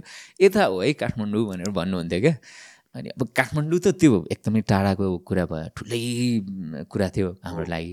अनि अब कहाँ जाने त भन्दाखेरि अब पढाउने सवालमा परिवारले आमाले चाहिँ तिमी पढ्नुपर्छ ताप्लेजुङ सदरमुकाम सानो सहर भनौँ न त्यहाँ गएर पढ्नुपर्छ भनेर भन्नुभएको थियो। तर म चाहिँ मानिनँ क्या। होइन म अलिकति ठिक्कको ठाउँ नै जान्छु धरान भनेर भने क्या मैले। यो भनेको प्लस टूको बेलामा? प्लस टूको बेला। यति मैले जोर जबरजस्ती गरेँ कि त्यहाँ नपुगी मेरो त्यो कुनै पनि हालतमा म मान्नेवालै थिएन क्या अहिले सम्झिँदाखेरि त ओ माई गड त्यति नगरे भए पनि हुन्थ्यो जस्तो। त्यो एकदमै मैले जोर जबरजस्ती गरेर नै धरानमा त्यो पनि मैले प्लस टू पढ्नुपर्छ भने क्या त्यो मेरो त्यो परिवारको त्यो औकातभित्र नै थिएन प्लस टू पढ्ने या त्यो प्राइभेट कलेज पढ्ने त्यो थिएन। तर पनि अब खोइ कसरी म्यानेज गर्नुभयो आमाले अनि पहिलोपटक बस चढेर धरान आइयो अनि मैले एक दुई ठाउँमा भने पनि छु अब त्यही आमाको चाहिँ त्यो सानो एउटा सुनको सिक्री थियो क्या त्यो चाहिँ बेचेर अनि धरानमा पढाइ प्लस टूको पढाइ सुरु गरियो। अनि त्यसरी चाहिँ सहर पसियो भनौँ न त्यो हिसाबले अनि रमाइलो। अब अहिले सम्झिँदा त कति रमाइलो लाग्छ तर त्यो बेला त ओहो मुटु नै कटक्क खाने क्या। अनि ओ माई गड कस्तो होला है। कति गाह्रो होला त्यो। त्यो मेरो मात्रै कथा होइन। अब हामी आम जो गाउँमा हुर्केको मान्छेहरूको कथा हो जो गाउँमा हुर्केको मान्छेहरू एउटा निम्न मध्यमवर्गीय परिवारको मान्छेहरू गाउँदेखि सहर पस्दाखेरिको कथा सबैको लगभग लगभग त्यस्तै हो। कसैको आमाको तिलरी बेचियो होला कसैको आमाको चाहिँ सिक्री बेचियो होला कसैको आमाको चाहिँ नि चुरा होइन बेचियो होला पोतेको त्यो सुनहरू होला होइन सबैको कथा त्यही नै हो। अनि मेरो पनि त्यही नै हो सर कथा चाहिँ। धरान आउँदाखेरि चाहिँ त्यो त्यो तवरले पढ्नुपर्छ भनेर आएको अनि त्यही पढाइ पनि नर्मल थियो। अनि धरान आइयो जो सब सानो सानो ठाउँ मात्रै हेरिराखेको मान्छे अति नै ठुलै लाग्यो नि धरान त सुरुमा त आउँदा। अनि त्यसपछि चाहिँ अनि धरान पछि चाहिँ त्यहाँ प्लस टू सकेर चाहिँ अनि काठमाडौँ अब अब अब केही गर्न सकिन्छ होला। अब चाहिँ जब गर्ने बरु शान्तिनो जे काम भयो भने गर्ने अनि काठमाडौँ जाने अनि पढ्ने भनेर चाहिँ त्यहाँबाट काठमाडौँ आइयो। अलिकति थोरै पैसा बोकेर अनि काठमाडौँ आइयो अनि यहाँ पनि स्ट्रगल त तपाईँको यति धेरै गर्नु पऱ्यो कि त्यो अब अहिले सम्झिँदा रमाइलो जस्तो पनि लाग्ने तपाईँले अघि भने जस्तो तर त्यो बेलाको लागि त साह्रै दुःख नै थियो। सो यहाँ आएर चाहिँ सुरुमा चाहिँ के गर्नुभयो तपाईँले? सुरुमा मैले चाहिँ अब त्यही ब्याचलर जोइन गरेँ मैले कमर्समा अनि जोइन गरेपछि चाहिँ सुरुमा चाहिँ मैले ट्रेनिङ लिएँ क्या यो एङ्करिङको ट्रेनिङ अनि न्युज रिडिङको ट्रेनिङहरू लिएँ अनि त्यसपछि त्यो पनि फ्रीवाला ट्रेनिङ लिएँ क्या मैले। त्यो किनभने पैसा थिएन अनि पत्रिका हेऱ्यो विज्ञापनहरू हेऱ्यो कहीँ जब पाउँछ कि होइन कुनै यसो टिचिङ कुनै के होइन। शान्तिनो क्या अब त्यो फेरि त्यो बेलामा के थियो भने ठ्याक्क तपाईँको जब एप्लाई गर्नलाई चाहिँ तपाईँको पैसा तिर्नु पर्थ्यो क्या। एक सय रुपियाँ दुई सय रुपियाँ फर्म फर्म बापत। त्यो पैसा नै हुँदैन थियो क्या। कहाँबाट ल्याउने यार एक दुई सय रुपियाँ? अनि यस्तो कति ठाउँ धाइयो धाइयो क्या। अब कतै पनि सफल भइएन। अनि त्यसपछि पछि चाहिँ त्यो फ्रीवाला ट्रेनिङ देखेपछि चाहिँ ओहो यो ट्रेनिङ चाहिँ लिइराख्नुपर्छ भनेर भनियो। अनि त्यसपछि त्यो फ्री त के हुने रहेछ? त्यहाँ पनि पैसा फेरि सर्टेन एउटा त्यो एन्ट्री गर्दाखेरि सर्टेन एडमिसन फी त लाग्ने रहेछ। अनि त्यसपछि त्यो मैले रेडियो जकी अनि त्यसपछि भिडियो जकी अनि त्यसपछि news anchoring news caster news reader यस्तो यस्तो ट्रेनिङहरू तिन महिना जतिको लिएपछि चाहिँ अनि त्यसपछि बिस्तारै बिस्तारै अवसरहरू अलिअलि त्यही ट्रेनिङ मार्फत नै पाउन थालेँ कि। अनि ल तिमीलाई चाहिँ आज एउटा अवसर त्यहाँ अब बिस पच्चिसजनामा त्यहाँ अलिकति राम्रो गर्नेलाई चाहिँ एक दिन चाहिँ रेडियोमा लगेर फाइभ मिनट्सको न्युज भन्ने चाहिँ मौका दिइन्थ्यो। अनि त्यो बेला चाहिँ यहाँ टाइम्स एफएम चाहिँ थियो त्यो जाउलाखेलमा अनि त्यहाँ आएर चाहिँ न्युज चाहिँ सुरुमा कामी कामी। पेपरमा हेरेर पुरा कामदै क्या। त्यो गरेको याद छ। अनि त्यसपछि त्यसरी जर्नी सुरु भयो सर। अनि रेडियोहरू त मैले चार पाँचवटा नै काम गरेँ। पाँचवटा जति रेडियोमा। अनि पछि चाहिँ कति रेडियोमा भनेर चाहिँ टिभीतिर पनि लाग्यो अनि टेलिभिजन चाहिँ अब त्यही माउन्टेन टिभी भन्ने यहाँ तपाईँको स्टुडियोभन्दा अलिक उता कुपनडोलमा छ। त्यहाँ मैले त्यही फोर फाइभ इयर्स जति काम गरेँ त्यही सत्र सोह्र सत्र हजार तलब हुन्थ्यो। त्यसले चल्थ्यो सर त्यतिखेर। अनि त्यसपछि कान्तिपुर चाहिँ ड्रिम थियो अनि फाइनल्ली कान्तिपुरमा चाहिँ अनि त्यहाँ पनि म चाहिँ एकदम फेरि के भन्छ त्यो कम्पिटिसन गरेर यसरी गएको होइन। एउटा एक्सपिरियन्स थियो अनि त्यहाँ त्यहाँको मान्छेहरू त्यहाँ खास एकजना दाई हुनुहुन्थ्यो मेरो दिपेन्द्र बान्तवा भन्ने दाई अनि उहाँसँग एउटा कनेक्सन थियो अनि उहाँले बोलाउनु भयो अनि हाम्रो अहिले भर्खरै छोड्नु भएको सम्पादक त्यहाँको प्रधान सम्पादक हाम्रो दिलभूषण पाठक हुनुहुन्थ्यो अनि उहाँले छोड्नुभयो अहिले छोड्नुभयो नि दाइले दिलभूषण दाइले छोड्नुभयो अनि अहिले त हाम्रो विजय पौडेल आउनु भएको छ त्यहाँ। अनि दिलभूषण दाईसँग पनि यसो कुरा भयो अनि एक दुईचोटि मेरो नर्मल यसो त्यो इन्टरभ्युज जस्तो यसो त्यो कुनै त्यो के भन्छ फर्मल होइन यसो त्यो के अरे बोल्ने सोल्ने त्यस्तो गरेर ऊ होइन कि नर्मल अनि त्यहाँ गएपछि यसो कुराकानी गरियो अनि त्यसपछि चाहिँ मौका पाइयो कान्तिपुरमा दुई वर्ष काम गरियो। अनि त्यसपछि हो यसरी नयाँ मिडियामा आएको नयाँ मिडियामा आएको पनि सर छ वर्ष भइसकेछ। धेरै नै भइसक्यो। छ वर्ष भइसक्यो छ वर्ष अँ छ वर्ष ठ्याक्क भएछ है।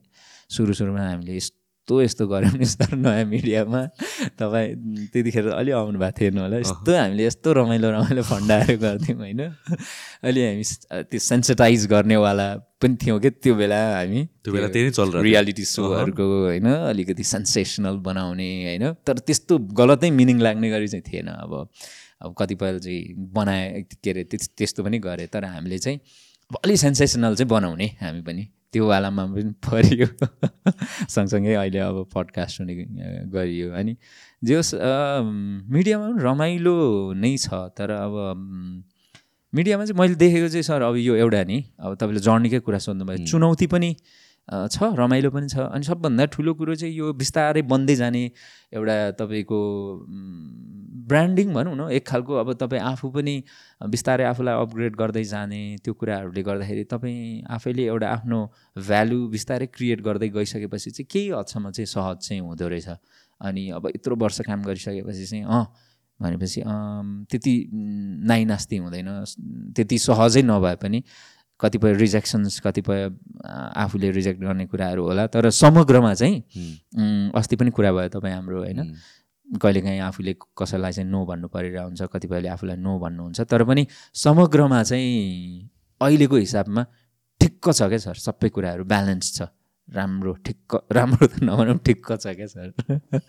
त्यस्तो छ सर अहिलेको सो प्रायः जस्तो जस्तो कि यो पडकास्ट गर्ने बेला म अब अलिकति टेक्निकल हुन खोजेँ प्रोसेस चाहिँ कस्तो हुन्छ? कसरी गेस्ट सेलेक्ट गर्नुहुन्छ? कसरी रिसर्चहरू केही छ कि कि क्वेसनहरू कसरी सोध्ने भन्ने हिसाबले? यो कसरी आयो तपाईँलाई? यो नेचुरली हो कि आउनु थाल्यो हो कि? त्यसको लागि पनि तपाईँले केही सिकेर केही गरेर यो त? सिक्ने नै हो सर। अब म चाहिँ खासमा सुरुमा चाहिँ यो हुन्छ नि पडकास्ट नेपालमा आउँदै गर्दाखेरि मैले सुरुमा सुरु गर्दाखेरि चाहिँ मलाई यति धेरै मान्छेहरूले नराम्रो पनि भने क्या यो मान्छे कहाँबाट पडकास्ट गर्न आयो? जो पनि जो पाए त्यही अहिलेको त अहिलेसम्म पनि भन्छ। अहिले पनि भन्छ। सबैले सबैलाई भन्छ जस्तो लाग्छ मलाई? त।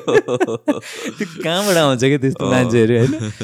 ए नेपालमा जो पनि पडकास्टर जो पनि पडकास्ट एउटा माइक लिएर के अरे ऊ गऱ्यो एउटा टेबल राख्यो हेडफोन लगायो सब। अनि मलाई रमाइलो लाग्छ क्या त्यस्तो कमेन्टहरू अनि तर कतिपय चाहिँ त्यो अलि कस्तो चित्त दुख्ने नरमाइलो खालको पनि दिइरहेको हुन्छ क्या मान्छेले।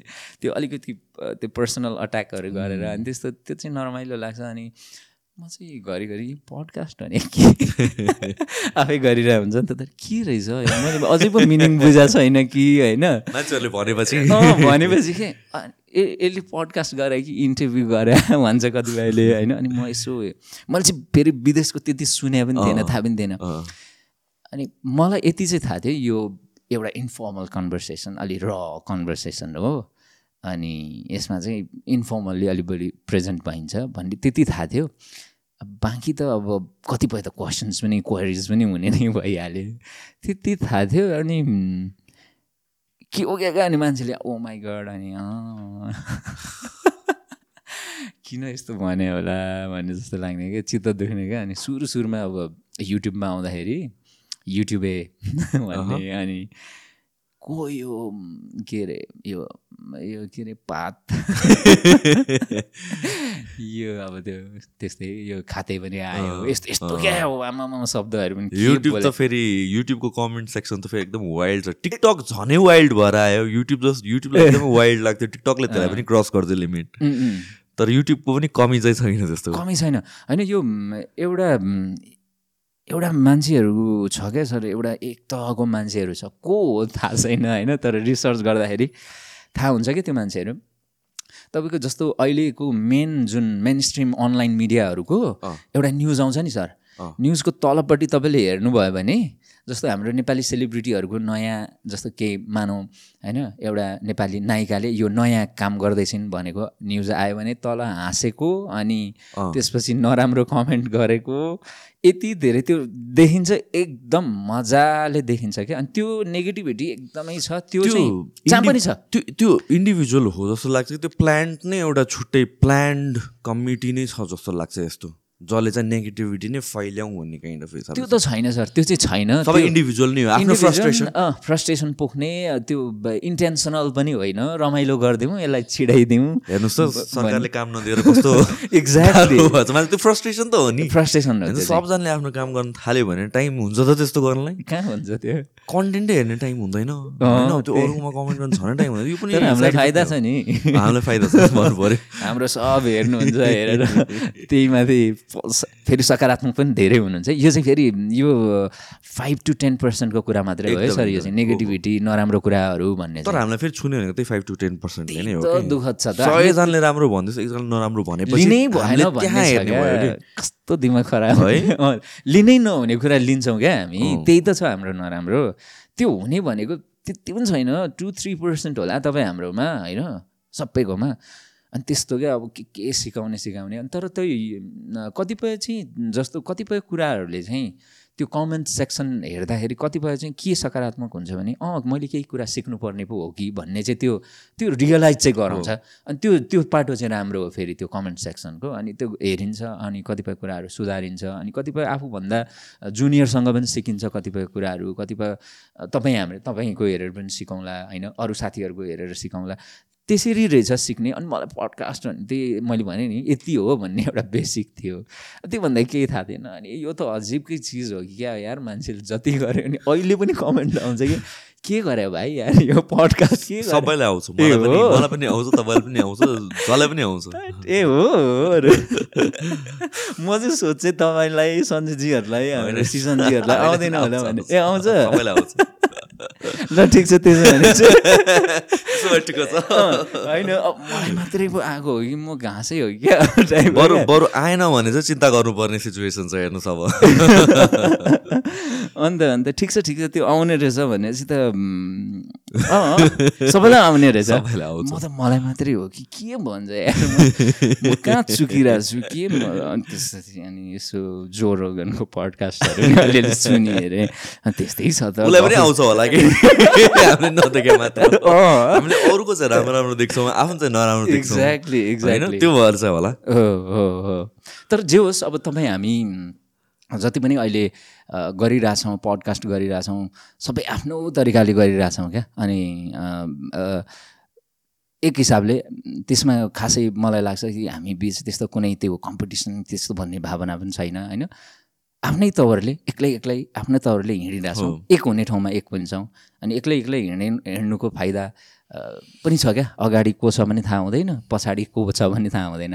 आफू नै छु टक्क आफ्नै गतिमा होइन सर? त्यो त्यो चाहिँ मजा लाग्छ। तर कमेन्ट सेक्सनले दिमाग खराब गर्छ त्यही भएर खासै हेर्दिनँ नि सर म। हो। म मैले पनि गर्नु थिएँ। म पनि त्यस्तो इङ्गेज चाहिँ गर्दिनँ। कुनै पनि सोसियल मिडियामा म इङ्गेज गर्दिनँ।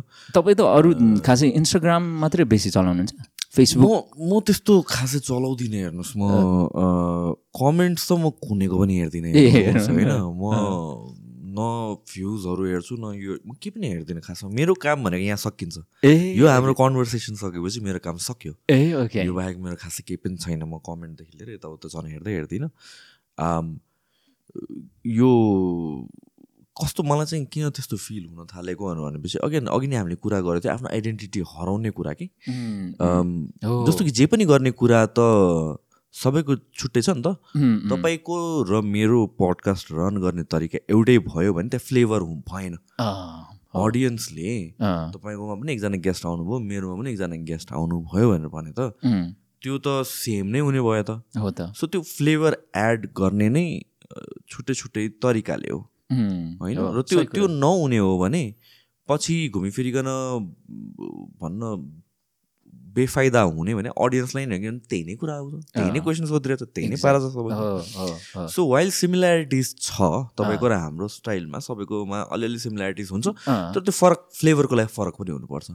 त्यो भएन भने त त्यो रमाइलो पनि हुने भएन र लङ रनमा इफ सबै कुराहरू अगेन अब एउटा कतिजनाले भनेर भन्छ रिसर्च गरेर सोध कतिजनाले भन्छ इन्फर्मली सोध। त्यही त्यस्तो हुन्छ अब यहाँ गऱ्यो भने पनि उताबाट कराउँछ यहाँबाट गऱ्यो भने उताबाट कराउँछ। भोलि गएर के हुने भयो भने भनेपछि तपाईँले एउटा साइडलाई कहिले पनि प्लिज गर्न सक्नुहुँदैन। क्रिटिसिजम त। आइरहेको छ रिगार्डलेस तर पछि भयो तपाईँको आइडेन्टिटी नै हराएर जान्छ कि। किन तपाईँ को हो नै बिर्सिन्छ। किनभने तपाईँ त जहिले पनि प्लिज गर्दा गर्दा यु बिकम समन एल्स र एक दुई वर्ष चार पाँच वर्ष अरूको आइडेन्टिटीमा बाँच्न थाल्यो भने तपाईँको रियल आइडेन्टिटी पनि exactly. त्यो सकिन्छ। कोल्याप्सै हुन्छ त्यो। हो।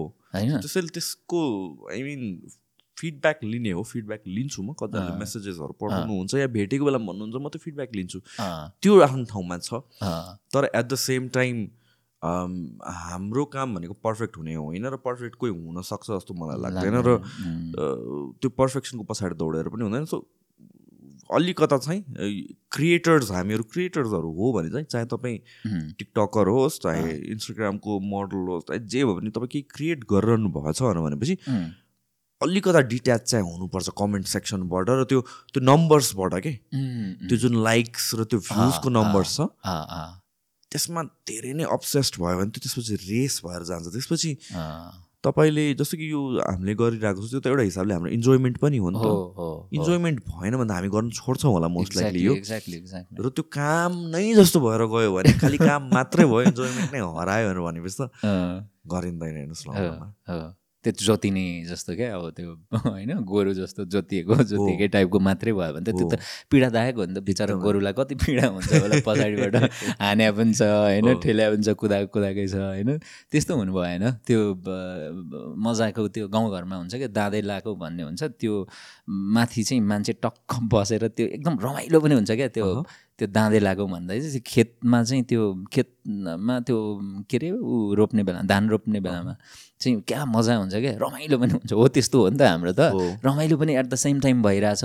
हामीले केही सिकि पनि रहेछौँ होइन? अनि आफूलाई केही कुराहरू थाहा छ भने त्यो दिइ पनि रहेछौँ हल्का होइन?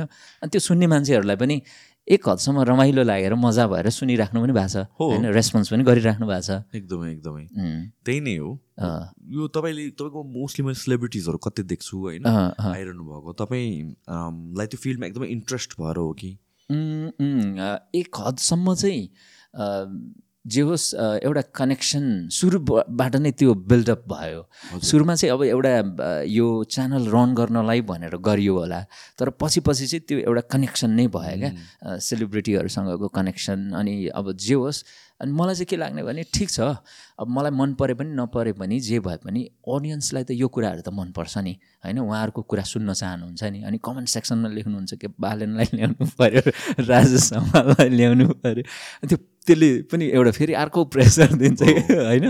अनि कहिलेकाहीँ फलानालाई ल्याउनु पऱ्यो अनि भनेपछि त्यो उहाँको कुरा सुन्न चाहनु भएको होला नि त भन्ने त्यो त्यो एङ्गलबाट पनि हेरिदिनु पऱ्यो नि त हामीले। अनि ठिक छ कोसिस गर्ने भनेर त्यो त्यसले पनि त्यतातिर पनि गराउँछ। प्रेसरै दिए पनि अब ठिक छ उहाँहरूले सुन्न चाहनु भएको मान्छे हो भने त ठिक छ नि भन्ने। अनि अब यो इन्टरटेन्मेन्टमा त्यत्रो धेरै मेरो चाहिँ लगाव चाहिँ होइन तर परिस्थितिले त्यस्तै भयो। म पनि खास सुरुमा टिभीमा गर्दाखेरि चाहिँ अलिकति बढी बरु पोलिटिकल इन्टरभ्युज यताउति गर्थेँ क्या म होइन जानेर नजानेर भए पनि।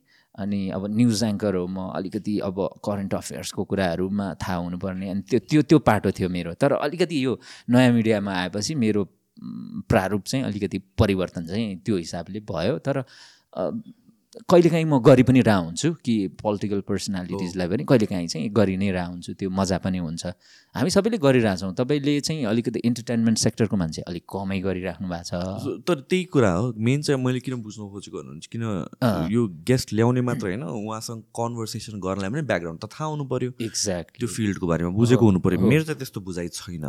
सो त्यो भएर चाहिँ मैले अभोइड गर्ने हो खासमा चाहिँ होइन। मैले त्यस्तो खासै एन्टरटेनमेन्टलाई मैले त्यति साह्रो फलो गर्दिनँ कि। सायद फलो गर्ने भएको भए या बुझ्ने भएको म ल्याउँछु जस्तै अर्को कुरा भनेको स्पोर्ट्स पनि म ल्याउँदिनँ। स्पोर्ट्सको पनि मैले कुनै पनि क्रिकेटर फुटबलर अरू कोही पनि स्पोर्ट्सको म ल्याउँदिनँ। किन ल्याउँदिनँ भने चाहिँ म त्यो कन्भर्सेसन नै म गर्न सक्दिनँ कि। मैले म न फुटबल हेर्छु न क्रिकेट केही पनि हेर्दिनँ स्पोर्ट हेर्दै हेर्दिनँ। मिक्स मार्सल आर्ट्स हेर्छु हेर्नुहोस् अब त्यो फेरि युएफसीको कुरा गर्ने हुन्छ म ल्याएर घन्टो कुरा गरिदिन सक्छु। त्यो त गर्नु पनि भएको छ गरेको छु तर। तर सर्टन थिङ्सहरूमा म मेरो नलेज नभएको हिसाबले चाहिँ मैले ल्याउँदिनँ कि। सो तपाईँको केसमा चाहिँ तपाईँको नलेज छ जस्तो देखिन्छ त्यो हिसाबले जुन मैले स्पोर्ट्समा। स्पोर्ट्समा पनि मलाई चाहिँ फुटबल त अति नै मनपर्ने अनि त्यो भएको भएर स्पोर्ट्सको पनि घरिघरि गरिरहेको हुन्छ। मैले अमन दाईसँग दुईचोटि कुरा गरेँ। मजाको भएको थियो क्या दाईसँगको कन्भर्सेसन अनि मैले चाहिँ अब अरू विदेशको लिगहरू पनि फलो गर्छु अनि त्यो हिसाबले चाहिँ त्यो त्यो आफूलाई त्यो हुन्छ नि मन परेको सेक्टरमा हो कुरा एक्ज्याक्टली गर्दाखेरि क्या. होइन मजाले त्यो कन्भर्सेसनको फ्लो नै मजाको हुन्छ नि होइन? सरर बग्या जस्तो अनि होइन? अनि दुईजना पालो पालो बोल्दाखेरि क्या मजा हुन्छ क्या त्यो चाहिँ। हो। अनि मजा हुन्छ त्यो। अनि तपाईँले भने जस्तो सही कुरा हो कि त्यो आफ्नो इन्ट्रेस्टभन्दा टाढाको कुरो या आफूलाई इन्ट्रेस्ट नलागेको जबरजस्ती गर्नु पऱ्यो भने त त्यो त बाध्यता भयो एकदमै एकदमै। जस्तो कि सेलिब्रिटीहरूकै कुरा गर्दा पनि किनभने कतिवटा भनौँ न एउटा म सर्टन थिङ जस्तो स्पोर्ट्समा गर्ने बेलामा त्यो स्पोर्ट्स पर्सन भन्दाखेरि पनि स्पोर्ट्सको बारेमा बेसी कुरा भइन्छ। तर एन्टरटेनमेन्ट सेक्सनको मान्छेहरूसँग कुरा गर्दा usually it's guest oriented conversation हुन्छ। उहाँको बारेमा पनि प्रायः नलेज चाहिने चाहिन्छ चाहिन्छ। सो तपाईँ चाहिँ युजली जस त्यहाँतिर पनि इन्ट्रेस्ट या नलेज चाहिँ राखिरहनु भएको हुन्छ एक्ज्याक्टली त्यो चाहिँ अब केही केही न केही चाहिँ अब अलिकति रिसर्च पनि गर्छु थोरै थोरै। अनि जे होस् अब नेपाली यो हुन्छ नि म्युजिकको बारेमा। र नेपाली चलचित्र क्षेत्रको बारेमा चाहिँ अब एउटा बेसिक नलेज चाहिँ छ भनेर भन्नुहोस् न। किनभने अब कहिलेकाहीँ फिल्म पनि हेरिन्छ या न्युज पढिन्छ अनि अब सेलिब्रिटीको अपडेट्स सबै कुराहरू त्यो पनि हेरिन्छ। अनि म्युजिक चाहिँ सुनिन्छ पनि। अनि नयाँ नयाँ केटाहरू जो यङ्स्टर्स नयाँ नयाँ म्युजिक खतरा खतरा ल्याएर आउँछ नि अनि उनीहरूको सबै सुनिन्छ पनि। अनि कसले के गरिरहेछ कसको ट्रेन्डिङमा आइरहेछ कसको के पारिश्रमिक कति छ भन्ने कुराहरू पनि जेनरली थाहा पनि हुन्छ। अनि म्युजिकको चाहिँ एउटा एक खालको चाहिँ सर्कलै छ क्या। त्यो त्यो सर्कलसँग अब अरू अरू बेलामा पनि जस्तो खेलकुददेखि लिएर अरू बेला नर्मली भेटघाट हुने अनि त्यो औपचारिक अनौपचारिक सबै खालको भेटहरू भइराख्ने अनि अट्याचमेन्ट अनि कनेक्सन पनि भइराख्ने भएर त्यो छुट्टै एउटा त्यो भातृत्व एउटा त्यहाँ छ क्या। अनि त्यो त्यो भएर उनीहरूसँग चाहिँ त्यो अट्याचमेन्ट पनि छ कुराकानी गर्न मजा पनि हुन्छ। ल आइज न भाइ भन्यो भने कोही आइदिन्छन् होइन कोही पछि आउँछु भन्छन्। त्यो त्यो मजाको छ त्यो चाहिँ सजिलो पनि हुन्छ। त्यो एउटा पिआर पनि छ भनौँ न अनि त्यो हिसाबले पनि रमाइलो हुन्छ। त्यो त्यो पाटो चाहिँ म्युजिकको साथीहरूसँग चाहिँ सबैसँग। जस्तो अब कतिपय चाहिँ जस्तो यङ्स्टर्समा पनि कोही कोही अब अलिक फरकै हुन्छ होइन? जस्तो फरक तवरले काम गर्ने मान्छेहरू हुन्छ उनीहरूसँग फेरि कहिलेकाहीँ भेट पनि हुँदैन होइन? अनि मैले यो पडकास्ट सुरु गर्ने बेलामा पनि मैले के सोचेको भने जस्तो त्यतिखेर अब सञ्जयजीको आइसकेको थियो इभन तपाईँको पनि थियो अलरेडी सिसनजीले गरिराख्नु भएको थियो अरू पनि एकाध दुई थियो क्या। मैले गरेँ भने के गर्ने? मेरो अलिकति भए पनि फरक के हुन्छ होला भन्ने सोच्दाखेरि म अलिकति दुई चारजना अलिकति फरक खालको गेस्टहरू म सायद ल्याउन सक्छु है। अनि ल्याउँदाखेरि पनि अब मेरो कन्भर्सेसनको स्टाइल अलिकति फरक हुन सक्ला। अनि केही हदसम्म पनि फरक भयो भने त्यो अलिकति रमाइलो होला कि? भन्ने हिसाबले नै मात्रै सुरु गरे हो। नभए चाहिँ सुरु गर्नै पर्छ भन्ने त्यस्तो केही पनि थिएन होइन? अब कतिपय इन्टरभ्यू गरिसकेको मान्छेहरूलाई पनि पडकास्टमा ल्याएर कुराकानी गर्दाखेरि अझ मजा भएको त्यस्तोहरू छ क्या सर? अनि त्यो त्यो हिसाबले गरियो। सुरुमा त मलाई नि मारे नि। के गरिरह? यो त माइक पनि सञ्जयको कपी गर्ने। अनि फेरि अब यो माइक पनि चल्ने यही स्योरकै रहेछ नि त बढी चल्ने रहेछ। होइन अब यो तपाईँले युज गर्नुभएको झन् त्यो एसएम सेभेन बी भन्ने हो। माइक त एकदमै पपुलर जो रोगनले पनि त्यही नै गर्छ। प्रायः जस्तो आई थिङ्क ठुलो मिडियाहरू प्रायःले युज गर्छ त्यो माइकको अनि फेरि सञ्जयजी पनि जोरोगनबाट एकदमै प्रभावित हुनुभएको रहेछ मैले त्यो कुरा पछि थाहा पाएँ क्या। उहाँको त्यो पडकास्टको सेटहरू जोरोगनको सेटहरू टक्क टक्क केही केही कुराहरू अनि उहाँले स्टार्ट गर्ने केही शैलीहरू। सब उहाँ पनि प्रभावित हुनुभएको रहेछ। अनि ठिक छ अब म पनि भएको भए पनि भन्ने हिसाबले। तर म चाहिँ त्यस्तो हुन्छ नि सञ्जयजीबाट कसैबाट भन्दा पनि मैले भने नि अलिकति यो एउटा ट्रेन्ड पनि आयो ट्रेन्डलाई पनि फलो गरौँ भन्ने त हुँदै नै हो। तर सँगसँगै अलिकति हुन्छ नि फरक खालको मान्छेहरू जो चाहिँ उहाँले नसमेट्न सकेको समेट्न नसकेको होस् अथवा इभन सिसनजीकोमा समेट्न नसकिएको कतिपय मान्छे हुन सक्छन् होइन? ती मान्छे चाहिँ मेरोमा आउन सक्छन् अथवा म तिनीहरूलाई समेट्न सक्छु है भन्ने मात्रै थियो क्या? सर मेरो चाहिँ सो कन्भर्सेसन गर्दा गर्दै तपाईँको कहिले काहीँ ला अब के सोध्ने? त्यस्तो हुन्छ कि हुँदैन? हुन्छ नि कहिले काहीँ हुन्छ पुरै यस्तो हुन्छ क्या? गेस्ट कहिले काहीँ यस्तो परिदिनु हुन्छ होइन त्यो यस्तो हो अब पडकास्टको चाहिँ अब यो तपाईँ हामीलाई त थाहा छ नि त इन्फर्मल कन्भर्सेसन मजाले होइन गफ गर्ने एउटाले बोलिसकेपछि बिस्तारै बोल्ने भन्ने। त्यो क्या मजा हुन्छ नि होइन। हामीमा त्यो त्यो नै लगभग हुँदैन होइन तर कहिलेकाहीँ चाहिँ जस्तो अरू गेस्टहरूको सवालमा अलिकति सम्झाइ बुझाइ गर्दाखेरि पनि म कहिलेकाहीँ भन्छु यो चाहिँ अब अलिकति इन्फर्मल हिसाबमा हो अनि यसरी गर्ने है। अब मैले क्वेसनै नसोधे पनि तपाईँ आफ्नो विचार पनि राख्दै जानुहोस् म पनि आफ्नो विचार राख्दै जान्छु। कुनै एउटा टपिक होला त्यसमा कुरा गर्दै जाने हो है भन्छु। तर कहिलेकाहीँ चाहिँ अब त्यो two line three line answer दिएर चुपचाप बसिदिने त्यसपछि कन्सियस पनि भइन्छ होला होइन? फेरि। इन्टरभ्यूहरू भनेपछि त अलिकता एउटा एकदमै इन्टेलेक्चुअल आन्सर दिनुपर्छ है भन्ने काइन्ड अफ एउटा त्यो प्रेसर पनि छ नि त सेलिब्रिटीहरूलाई छ त। होइन कि के स्लिप होला कि टङ स्लिप होला कि केही। बोलिएला कि या के म इन्टेलेक्चुअल नदेखौँला कि या भन्छ अलिक गलत शैलीमा बोलिएला कि त्यो एउटा कन्सियसनेस पनि हुन्छ नि त। आई थिङ्क यो पडकास्ट भनेर पनि बिस्तारै बुझ्दैछन्। जस्तो लागिरहेछ कि बुझेको चाहिँ छैन। बुझ्दैछन् किनभने पडकास्टलाई पनि इन्टरभ्यू जस्तै हिसाबले लिन् लिन्छन् हो, थुप्रैजनाले कि। चाहिँ यसमा पनि टक टक टक मिलेको हुनुपर्छ है भनेर। अनि अब जस्तो कि हामीहरूले कुरा गर्ने शैली त त्यस्तो हिसाबले छैन। छैन सो आई थिङ्क अब बिस्तारै बिस्तारै बुझ्दै गइन्छ होला पनि अझ जस्तो लाग्छ मलाई त्यो हिसाबले। त्यही त म आफैले भने नि म आफै त भर्खर सिक्दैछु यो कुराहरू होइन? कतिपय कुराहरू थाहा हुँदैन।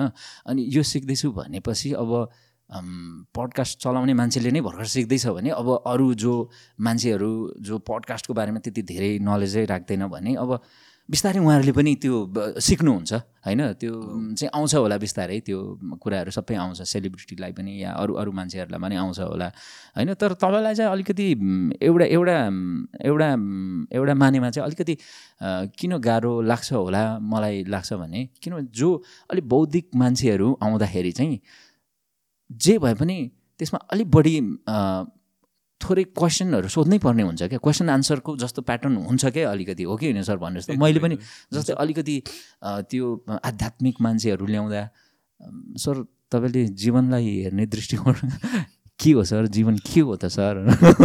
भनेर सोध्नु त पऱ्यो नि त। इन्टेलेक्चुअललाई सोध्न पाएन त्यो। होइन तर मेरो चाहिँ कस्तो भयो भने चाहिँ अगेन त्यो फिल्ड अफ इन्ट्रेस्ट जस्तै कुरा भयो।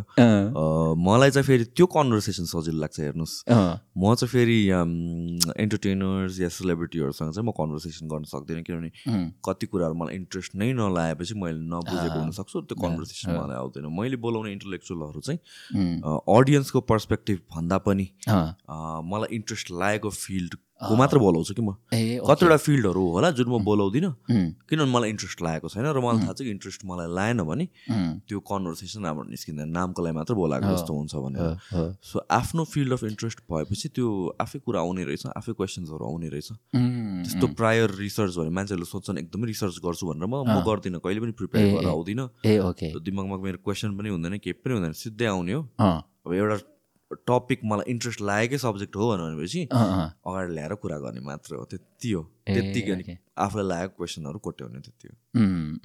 र अब त्यही तपाईँले आफ्नो विचारहरू पनि सायद बिच बिचमा राख्दै जानुहुन्छ होला होइन? आफ्नो आफ्नो पनि केही त दिनुहुन्छ पक्कै पनि होइन? त्यो कन्टेक्स्टमा मेरो यो हो यो हो अथवा यस्तो हुनुपर्छ होला है भनेर तपाईँले आफ्नो विचार पनि. थप्दै जानुहुन्छ होइन? नभए त खालि प्रश्न र उत्तर मात्रै भयो भने फेरि त्यहाँ पनि त्यही के इन्टरभ्यू लिएको भाइ भन्छ। टु सम एक्सटेन्ट चाहिँ दिनुपर्ने ठाउँमा चाहिँ दिन्छु। सकेसम्म चाहिँ सुन्न नै खोज्छु म धेरै जस्तो बेला त्यही नै हो। किनभने त्यो मैले चाहिँ कसरी लिएको छु भनेपछि एउटा प्लेटफर्म पनि भइदिएन कि जस्तो लाग्छ कि एक्सपर्टहरूलाई उहाँहरूको ट्रु ओपिनियन कर्नरमा लगेर सोध्ने होइन कि लाइक यस्तो गरिस् त्यो अप्ठ्यारो क्वेसन मात्र होइन कि एक्चुली फ्रिली बोलोस् न। कि आधा घन्टा पैँतालिस मिनट किन त्यो टाइम लाग्छ लाग्ने रहेछ। आधा घन्टा पैँतालिस मिनट एउटा पडकास्ट रन भयो भने त्यसपछि बल्ल गेस्ट फ्री हुन थाल्छ नि त। सो त्यो वातावरण बनाइदिनु पर्ने रहेछ कि हामीले कि लाइक तपाईँले जे सोधे पनि म तपाईँको कुरा सुन्नको लागि आएको र म त्यहाँ जज गरिदिनु र म होइन यो होइन यही हो भनेर भन्छु भने त्यो सकेसम्म म अलिकति अभोइड गर्न खोज्छु। सो द्याट त्यो मान्छेको ट्रुथ निस्कोस् न त्यसपछि। अनि अडियन्सले डिसाइड गरोस्। त्यो भने राइट हो कि रङ हो भन्ने हिसाबले। त्यो चाहिँ बिलिभ गर्छु म। अँ, यो फ्याक्ट चेकको कुराहरू तपाईँ तपाईँ कतिको गर्नुहुन्छ होइन? मलाई चाहिँ धेरै मान्छेले फ्याक्ट चेक पनि गर्नु पऱ्यो नि त तपाईँले। जे बोल्यो त्यही राखिदिएर हुँदैन। एउटा मेरो रिसेन्ट पडकास्टमा त्यो एउटा इस्यु पनि आएको थियो होइन? त्यो हामीले कति गर्न जरुरी छ जस्तो लाग्छ भन्नु त तपाईँले? यस्तो त्यो भनेको कतिवटा कुराहरूमा हो। सबै कुरा फेरि जानकारी हामीलाई पनि हुँदैन होइन? एक्ज्याक्टली र यसलाई कसरी लिनु पर्यो भनेर भन्दाखेरि त्यो गेस्टको ओपिनियन हो। गेस्टको ओपिनियन राख्या हो होइन? फ्याक्ट चेक गर्ने त हामीले आफूले गर्ने हो। मी एज अ अडियन्स चित्त बुझ्छ या बुझ्दैन भन्ने कुरा किन मलाई पनि सबै कुराको नलेज हुँदैन। मैले त एज एन एक्सपर्ट सोध्न खोजेँ। मैले त त्यो हिसाबले मैले गरेर आउँछु। आफूलाई थाहा भएको कुरामा चाहिँ क्रस क्वेसन गरि नै हालिन्छ। तर मोस्ट केसेसमा अब भनौँ न एउटा यो अब इकोनोमीको कुरा आयो र देशको खतरा इकोनोमिस्ट छ भनेपछि त मलाई उहाँको लेभलको त नलेज हुँदैन। त्यो हिसाबले चाहिँ एउटा टिचर स्टुडेन्ट जस्तो सम्बन्ध हुन्छ। कतिपय बेलामा स्टुडेन्टलाई थाहा हुन्छ यो रङ हो भनेर। सो त्यो कोट्याइन्छ होला। तर अरू बेला चाहिँ सुन्ने काम हो। त्यो सुन्ने ठाउँ राख्दै मात्र हो मैले त्यो त्यसरी बुझ्छु। एन्ड सबैलाई त्यो अब जसलाई नलेज छ उहाँले कमेन्टमा गरेर सच्याइदिन सक्नुभयो त्यो। त्यसरी हेर्नु पऱ्यो ठ्याक्कै त्यो तपाईँले भन्नुभयो नि गेस्टको उसको आफ्नो विचार हो नि त। विचार हो क्या त्यो उसले आफूले बुझेको कुरा हो। भन्या हो नि त। हो। अनि यो शत प्रतिशत ला छापै लाएर यो हन्ड्रेड पर्सेन्ट मैले बोलेको कुरा सही उसले पनि भनेको छैन। हामीले हो पनि भनेको छैनौँ होइन. त्यो उसको आफ्नो विचार हो। होला कतिपय कुराहरूमा फ्याक्ट चेक गर्नुपर्छ होला तर हरेक ठाउँमा एउटा उसले एउटा ओपिनियन अथवा एउटा कुरा बोल्यो अनि त्यसमा नि हरेक कुरामा फ्याक्ट चेक गर्न थाल्यो भने त्यो के हुन्छ त्यो त्यसरी त। अब जस्तो कि अघि नै हामीले कुरा गऱ्यौँ लाइक बच्चाहरूलाई अलिअलि पनिसमेन्ट गर्ने कि नगर्ने भन्ने कुरा डिसिप्लिन गर्ने कि नगर्ने कुरा। अब त्यो त तपाईँको ओपिनियन हो त्यो त मैले अब होइन अब मैले खोजेर यहाँ पढाइले यस्तो स्टडीले यस्तो भन्छ भने त्यो त्यो. तोक्ने कुरा आएन किनभने मैले के हो भनेर सोधे होइन तपाईँको विचार के हो भनेर सोधे हो। र तपाईँले तपाईँको विचार दिनुभएको हो होइन र र अहिले सोसाइटी कस्तो भइसक्यो भनेपछि ट्रुथ कन्भर्सेसन निस्किँदैन नि त किनभने हामीलाई डर हुन्छ हामी जज हुन्छौँ भनेर। र त्यो हुँदै जाने धेरै कुराहरू सेन्सर हुँदै हुँदै जान्छ कि सो त्यो विदाउट जजमेन्ट एउटा अगेन फ्याक्ट होइन कि के युनिभर्सल ट्रुथ के हो होइन कि तपाईँको ओपिनियन के हो भन्ने ओपिनियन दिन डराइसक्यो मान्छेहरू। हो त। होइन र मिडियाको अगाडि कतिजना मान्छेहरू हेर्नुहोस् है। मलाई एउटा कुरा एकदमै चित्त बुझ्दैन रक्सीको एड गर्ने अस्ति प्रदीप खड्काले कसले रक्सीको एउटा एड गराएर रहेछ कि? अनि सबजना त कमेन्ट गाली गरेर रक्सीको पनि एड गर्ने यताउति। त्यहाँ मान्छेहरूले घर घरमा फेरि सबैले रक्सी खान्छ हेर्नुहोस् है। उसले खाऊ कि खाऊ भनेर भने होइन त्यो भनेको राम्रो हो भनेर भने होइन त्यो त उसले एउटा बोतल लिएर ल यो आएको छ भनेर भन्यो होइन। या चाहे जुन पनि मान्छेहरू। अब त्यो ओपिनियन दिन पनि नपाओस्। म घरमा रक्सी खान्छु भने म खान्छु भनेर भन्न नपाओस्। मैले त त्यो इन्फ्लुएन्स गरेँ होइन मैले त खाऊ भनेर सबैलाई भनेर भने होइन म यो खाइरहेको छु भनेर भनिरहेको छु सो हुन त म पनि त्यस्तो गर्दिनँ। तर अगेन किन भनेपछि सोसाइटीले त्यसरी जज गर्छ भले त्यहाँ कमेन्ट गर्ने प्रायःले रक्सी खान्छन् होला घरमा चल्छ होला होइन? तर त्यो एउटा जज गरिहाल्ने कि त्यो हिपोक्रेसी भयो नि त त्यसपछि एउटा लेभलमा त। होइन र त्यो हिपोक्रेसीमा आफै हिपोक्रेटिक भएर त भएन। सो त्यो विचार राखिदिने आफ्नो ओपिनियन यो भने ओपिनियन मात्र हो है? भन्ने चाहिँ एउटा वातावरण सृजना गरिदिनुपर्छ। न कि मैले भनेको सबै कुरा त्यो ल होइन मैले भनेको सबै कुरा फ्याक्ट होइन। यो चाहिँ मेरो ओपिनियन र मेरो एक्सपिरियन्स मात्र हो भन्ने ठाउँ चाहिँ राखिदिनु पऱ्यो किनभने धेरै कुरा हामी हामीले नै फेरि त्यही सिक्छौँ कि सबै कुरा पढेर मात्र हुँदैन पढेर हुन्छ भनेर भन्छौँ। हाम्रै उखान त्यस्तो छ। हामी नै त्यही भन्छौँ कि पढाइले मात्र हुँदैन यो इन्भाइरोमेन्टले सेप गर्छ मान्छेलाई। त्यो भनेको त विचार हो नि त। हामीलाई त कति कुराहरू पेरेन्ट्सहरूले जसरी हुर्कायो त्यो त उहाँहरूको अगेन उहाँहरूलाई कसरी हुर्काइएको थियो? या भन्छ उहाँहरूको के विचार हो? त्यो हिसाबले हामी हुर्क्या हो नि त। अब पेरेन्टलाई पनि अब चेक गरिदिने त यसो गर्नु पाउँदैन किनभने फ्याक्ट यो हो स्टडीले यस्तो। सो म मलाई त त्यही नै लाग्छ ओपिनियन चाहिँ दिन पाउनु पऱ्यो सबैले आफ्नो। अनि मान्छे चाहिँ ओपिनियन दिन पनि किन डराइराखेको छ भन्ने कुरो तपाईँले भन्नुभयो नि?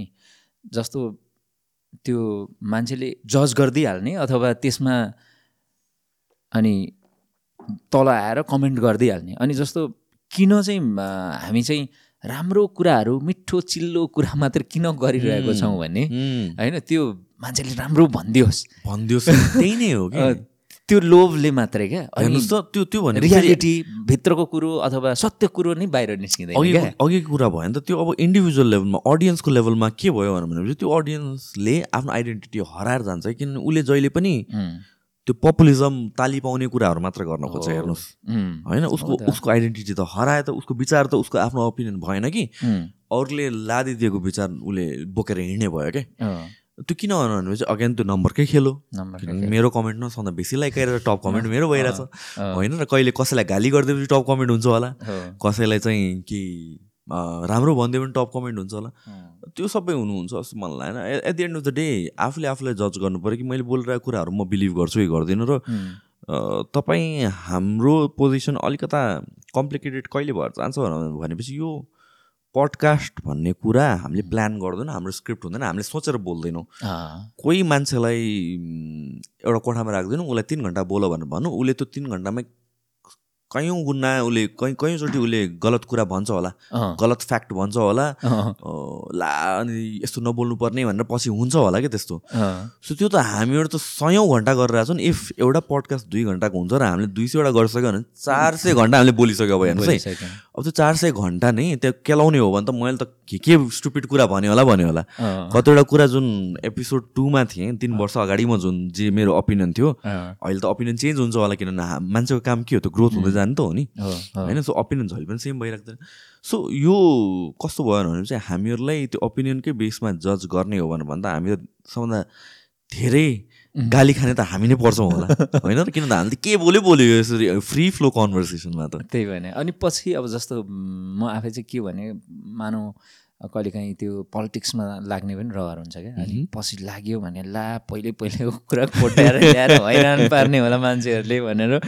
त्यो त्यो पनि सोचिन्छ क्या। तर अब जे होस् अब मैले आज जति पनि बोलेँ एकदमै मनबाट एकदम हुन्छ नि एकदमै। खुला हृदयका साथ केही पनि नडाँटिकन बोलेको छु। अनि एउटा जमाना के थियो भने मान्छेहरू केही सर्टन मान्छेहरू त्यो भाइरल भन्ने जो एउटा त्यो एउटा के भन्छ त्यो त्यो चिज आएको थियो नि। त्यतिखेर चाहिँ के थियो भने नि एउटा जस्तो एकदम पपुलर पपुलर मान्छेको बारेमा राम्रो राम्रो कुरा गरेर तपाईँले भने जस्तो लाइक्स भ्युज अनि आफ्नो पनि फलोवर्स बढाउने त्यो एउटा ट्रेन्ड पनि त्यो केही समय अगाडि चलेको थियो क्या। अब त्यो अहिले पनि अलिअलि चलिरहेको होला।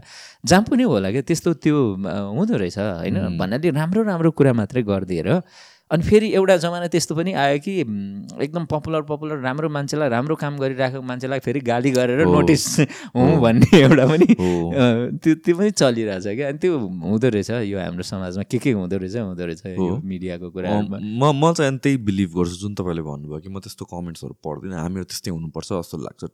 सर्टन आफ्नो क्लोज वान को चाहिँ ओपिनियन लिने हो।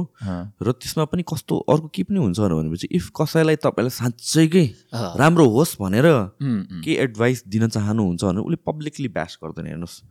तपाईँलाई फोन गर्छ होला मेसेज गर्छ होला नचिनेको मान्छे पनि मेसेज गर्छ होला कि? त्यो पब्लिकली नै ब्यास गर्नुको मतलब भनेको जहिले पनि त्यो राइट इन्टेन्ट मात्रै हुन्छ भने जरुरी छैन। एट टाइम्स नेगेटिभ नै हुन्छ। त्यो भन्दैमा सबै पब्लिकली भन्ने नेगेटिभ नै हो भन्ने पनि होइन तर ओपिनियनहरू भनेको त्यही नै हो। सबैको आफ्नो ओपिनियन हो हेर्नुहोस्। धेरैजनाको ओपिनियन सर्टन कुराहरू फ्याक्ट हुन्छ तर धेरै जस्तो कुरा ह्युमन सोसाइटी हामी कसरी चल्छ भनेपछि ओपिनियनको बेसिसमा मात्र चल्छ। फ्याक्टको बेसिसमा सोसाइटी चल्दैन। फ्यु थिङ्सहरू फ्याक्ट्सहरू हुन्छ होला।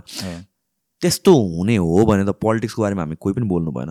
पोलिटिक्सको पढेको मान्छेले मात्र बोल्नु पऱ्यो फाइनेन्सको बारेमा इकोनोमिकको बारेमा कोही पनि बोल्नु पाएन। इकोनोमिक्सले मात्र बोल्नु पऱ्यो त्यो पनि सोसाइटी ठिक होइन नि त। सो हामी सबैजनाको पोलिटिक्स ओपिनियन छ सोसाइटीको बारेमा ओपिनियन छ फाइनेन्सको बारेमा इकोनोमीको बारेमा ओपिनियन छ। र त्यो गलत होइन त्यो ओपिनियन दिनु नै पर्छ। अनि अनि एकअर्काले सच्याउने करेक्ट गर्ने त्यो ब्याक एन्ड फोर्थ जाने त्यो सबै कुराहरू ठिकै छ आफ्नो हिसाबले। त्यो त त्यो भएन भने त समाजै चल्दैन जस्तो चल्दैन, लाग्छ होइन र त्यो एउटाले एउटा मात्रै विषयमा बोल्ने होइन? अब आज हामीले कति विषय छोयौँ? धेरै छ यो होइन? त्यसमा कति कुरा सही भन्यो होला कति कुरा गलत भन्यो होला। भनियो होला। होइन? तर त्यो हाम्रो ओपिनियन हो। हाम्रो ओपिनियन हो हाम्रो कुराहरू भयो होइन? एउटा आस्थाको कुरा आफ्नो आफ्नो होला होइन? अब त्यो त्यो कुराहरू सबैलाई चाहिँ ल यो गलत यो ऊ भन्न थाल्यो भने त त्यो त सबैको निस्किन्छ। त्यसरी चल्दैन। त्यसरी त चल्दै चल्दैन नि। त्यसरी त अगाडि बढ्दै बढ्दैन। ओके अब सकाउनु पर्छ जस्तो लाग्यो। हामी सवा दुई घन्टा बोल्यो रहेछौँ। आर यु स्योर स्योर दुई घन्टा पन्ध्र मिनट बोल्यो रहेछ हामीहरू।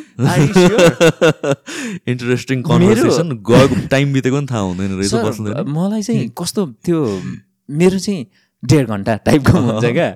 अनि त्यो म सुरुमा नै अलिकति टाइमिङ राखेँ डेढ घन्टामा सक्नु पर्ला भनेर तपाईँको चाहिँ अलिकति हुन्छ नि त्यो सिचुएसन हेरेर हो कि अलिकति लामो लामो नै हुन्छ। छैन मेरो टाइम लिमिट चाहिँ छैन। कुनै एक घन्टा सवा एक घन्टामा पनि सकिरह हुन्छ। कुनै चाहिँ तिन चार घन्टा पनि पुगिरह हुन्छ।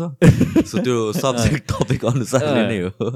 धेरै चाहिँ अब। विज्ञहरूसँग चाहिँ अलि लामै हुन्छ। उहाँहरूको कुरा। पनि अलिकति डिटेलमा सुन्नुपर्ने कुनै कुनै फिल्डको चाहिँ कुनै- कुनै कुनै। फिल्डको जहाँ चाहिँ मैले पनि अब मेबी तर्क वितर्क दिन सकेपछि त्यो कन्भर्सेसन लम्बिने हुन्छ त्यस्तो पनि हुन्छ। अब कोसँग गर्नु मन छ तपाईँलाई? ठ्याक्क यस्तो भनेर हुँदैन। हाम्रो लिस्ट नै पहिलादेखि बनाइरहेको हुन्छ फिगर आउट गरेर हुन्छ म ठ्याक्क यसरी इन्स्टेन्टली चाहिँ मेरो ठ्याक्क प्लान नै हुँदैन। अलरेडी हामीहरूको लिस्टहरूबाट प्लान गरी गरी गरी गरी बिस्तारै गइरहेको हुन्छ। तर ठ्याक्क यो त्यो भन्नु भने धेरै जस्तो बेला चाहिँ मेरो मुड अनुसारले नै जान्छ कि। सो कस्तो काइन्ड अफ कन्भर्सेसन गर्न मुडमा छु म त्यो बेला। त्यसको हिसाबले स्केड्युल गरेर आउँछु मैले जस्तो कतिको ट्रोलिङको शिकार कतिको हुनुभएको छ तपाईँ? अथवा त्यस्तो केही छ? ट्रोल गर्छ होला। म त्यस्तो साह्रो खोज्दिनँ म। ए साह्रो खोज्दिनँ। त्यस्तो साह्रो एक्टिभली पनि सर्चहरू पनि त्यस्तो धेरै चाहिँ चलाउँदिनँ म खासै। आफ्नै बबलमा बसिरहेको हुन्छु म। सोसियल मिडियामा त्यस्तो धेरै एक्टिभ नै भइराख्ने चाहिँ होइन म खासै. म पोस्ट गर्छु। निस्किन्छु र कतिवटा सोसियल मिडियामा त म चलाउँदा पनि चलाउँदिनँ। मेरो बिहाफमा अरूले पोस्ट गरिदिने हो। ए ओके। त्यो त अस्ति पनि भन्नुभएको हो हो जस्तो इन्डियामा चाहिँ हाम्रो क्यारी मिनाटीले दामी दामी जस्तो मोटिभेसनल स्पिकरहरूको रोस्टहरू क्या दामी दामी दिइरहेकै हुँदो रहेछ कि? नेपालमा चाहिँ त्यस्तो खासै तर दे रोस्टको त्यस्तो देखेको छैन तर कमेन्ट सेक्सन मिम्समा चाहिँ कहिलेकाहीँ हामी सबैको अलिअलि आइराखेको देख्छु। रमाइलो पनि लाग्छ कतिपय त। पोजिटिभ उसमा नै हुन्छ होइन? त्यो कुराहरू त काम गरिसकेपछि ताली पनि गाली पनि दुइटै चाहिन्छ। हो हो। एकदमै एकदमै। आज हामीले मायाका कुरा गरेनौँ सर मायाको। अलिअलि गऱ्यौँ होला. देश देशप्रतिको मायाको बारेमा कुरा गऱ्यौँ एक्ज्याक्टली अर्को डिफ्रेन्ट वेमा हेर्नु पऱ्यो त्यसलाई हो सर अब हामी मायाको कुरा गर्नको लागि त्यति ऊ पनि छैन होला। त्यस त्यसमा हामी त्यो लभ गुरु पनि होइन होला हामी जस्तो लाग्छ। तपाईँ पनि म पनि। लास्टमा के भन्नु चाहनुहुन्छ? केही छ? केही कुरा गर्नु मन छ तपाईँलाई? केही पनि छुटेन जस्तो लाग्छ। केही पनि छुटेन जस्तो लाग्छ होइन? कति छिटो टाइम बित्यो? तपाईँले two hours and fifteen minutes भन्नुभयो होइन? त्यो त्यो सुन्दाखेरि चाहिँ ओ माई गड जस्तो लाग्यो। ठिक छ अब मेरो पनि जति धेरै बोले पनि कुरो त नसकिने होला। अहिले फेरि एउटा इन्टरभ्यू छ। पाँच बजे। त्यसको लागि जानुपर्छ। Thank you so much Sushant sir. हस् थ्याङ्क यू सो मच तपाईँ पनि। अनि सबभन्दा मलाई चाहिँ यो स्टुडियोको भाइब्स मन पऱ्यो दामी लाग्यो। यो पछाडिको जुन ब्याकग्राउन्ड राख्नु भएको छ यसले मलाई तान्यो। म पनि यस्तै यस्तै टाइपको त राख्दिनँ। यसलाई ठाडो बनाएर यस्तो तेर्सो बनाउनु भएको छ ठाडो काठको चाहिँ म पनि एकदमै हो क्या। काठको अलिकति केही होइन प्लाइसाइहरू अनि त्यस्तो टाइपको गर्नु पऱ्यो अनि त्यही हो। थ्याङ्क यू सो मच अनि त्यही हो सर। फेरि भेट्दै गरौँ। स्योर स्योर डेफिनेटली त्यही रमाइलो गर्दै गरौँ अब। Thank you thank you for. Inviting sir thank you so much thank you हस्। सो मच बाई एभ्रिबडी ल हस्।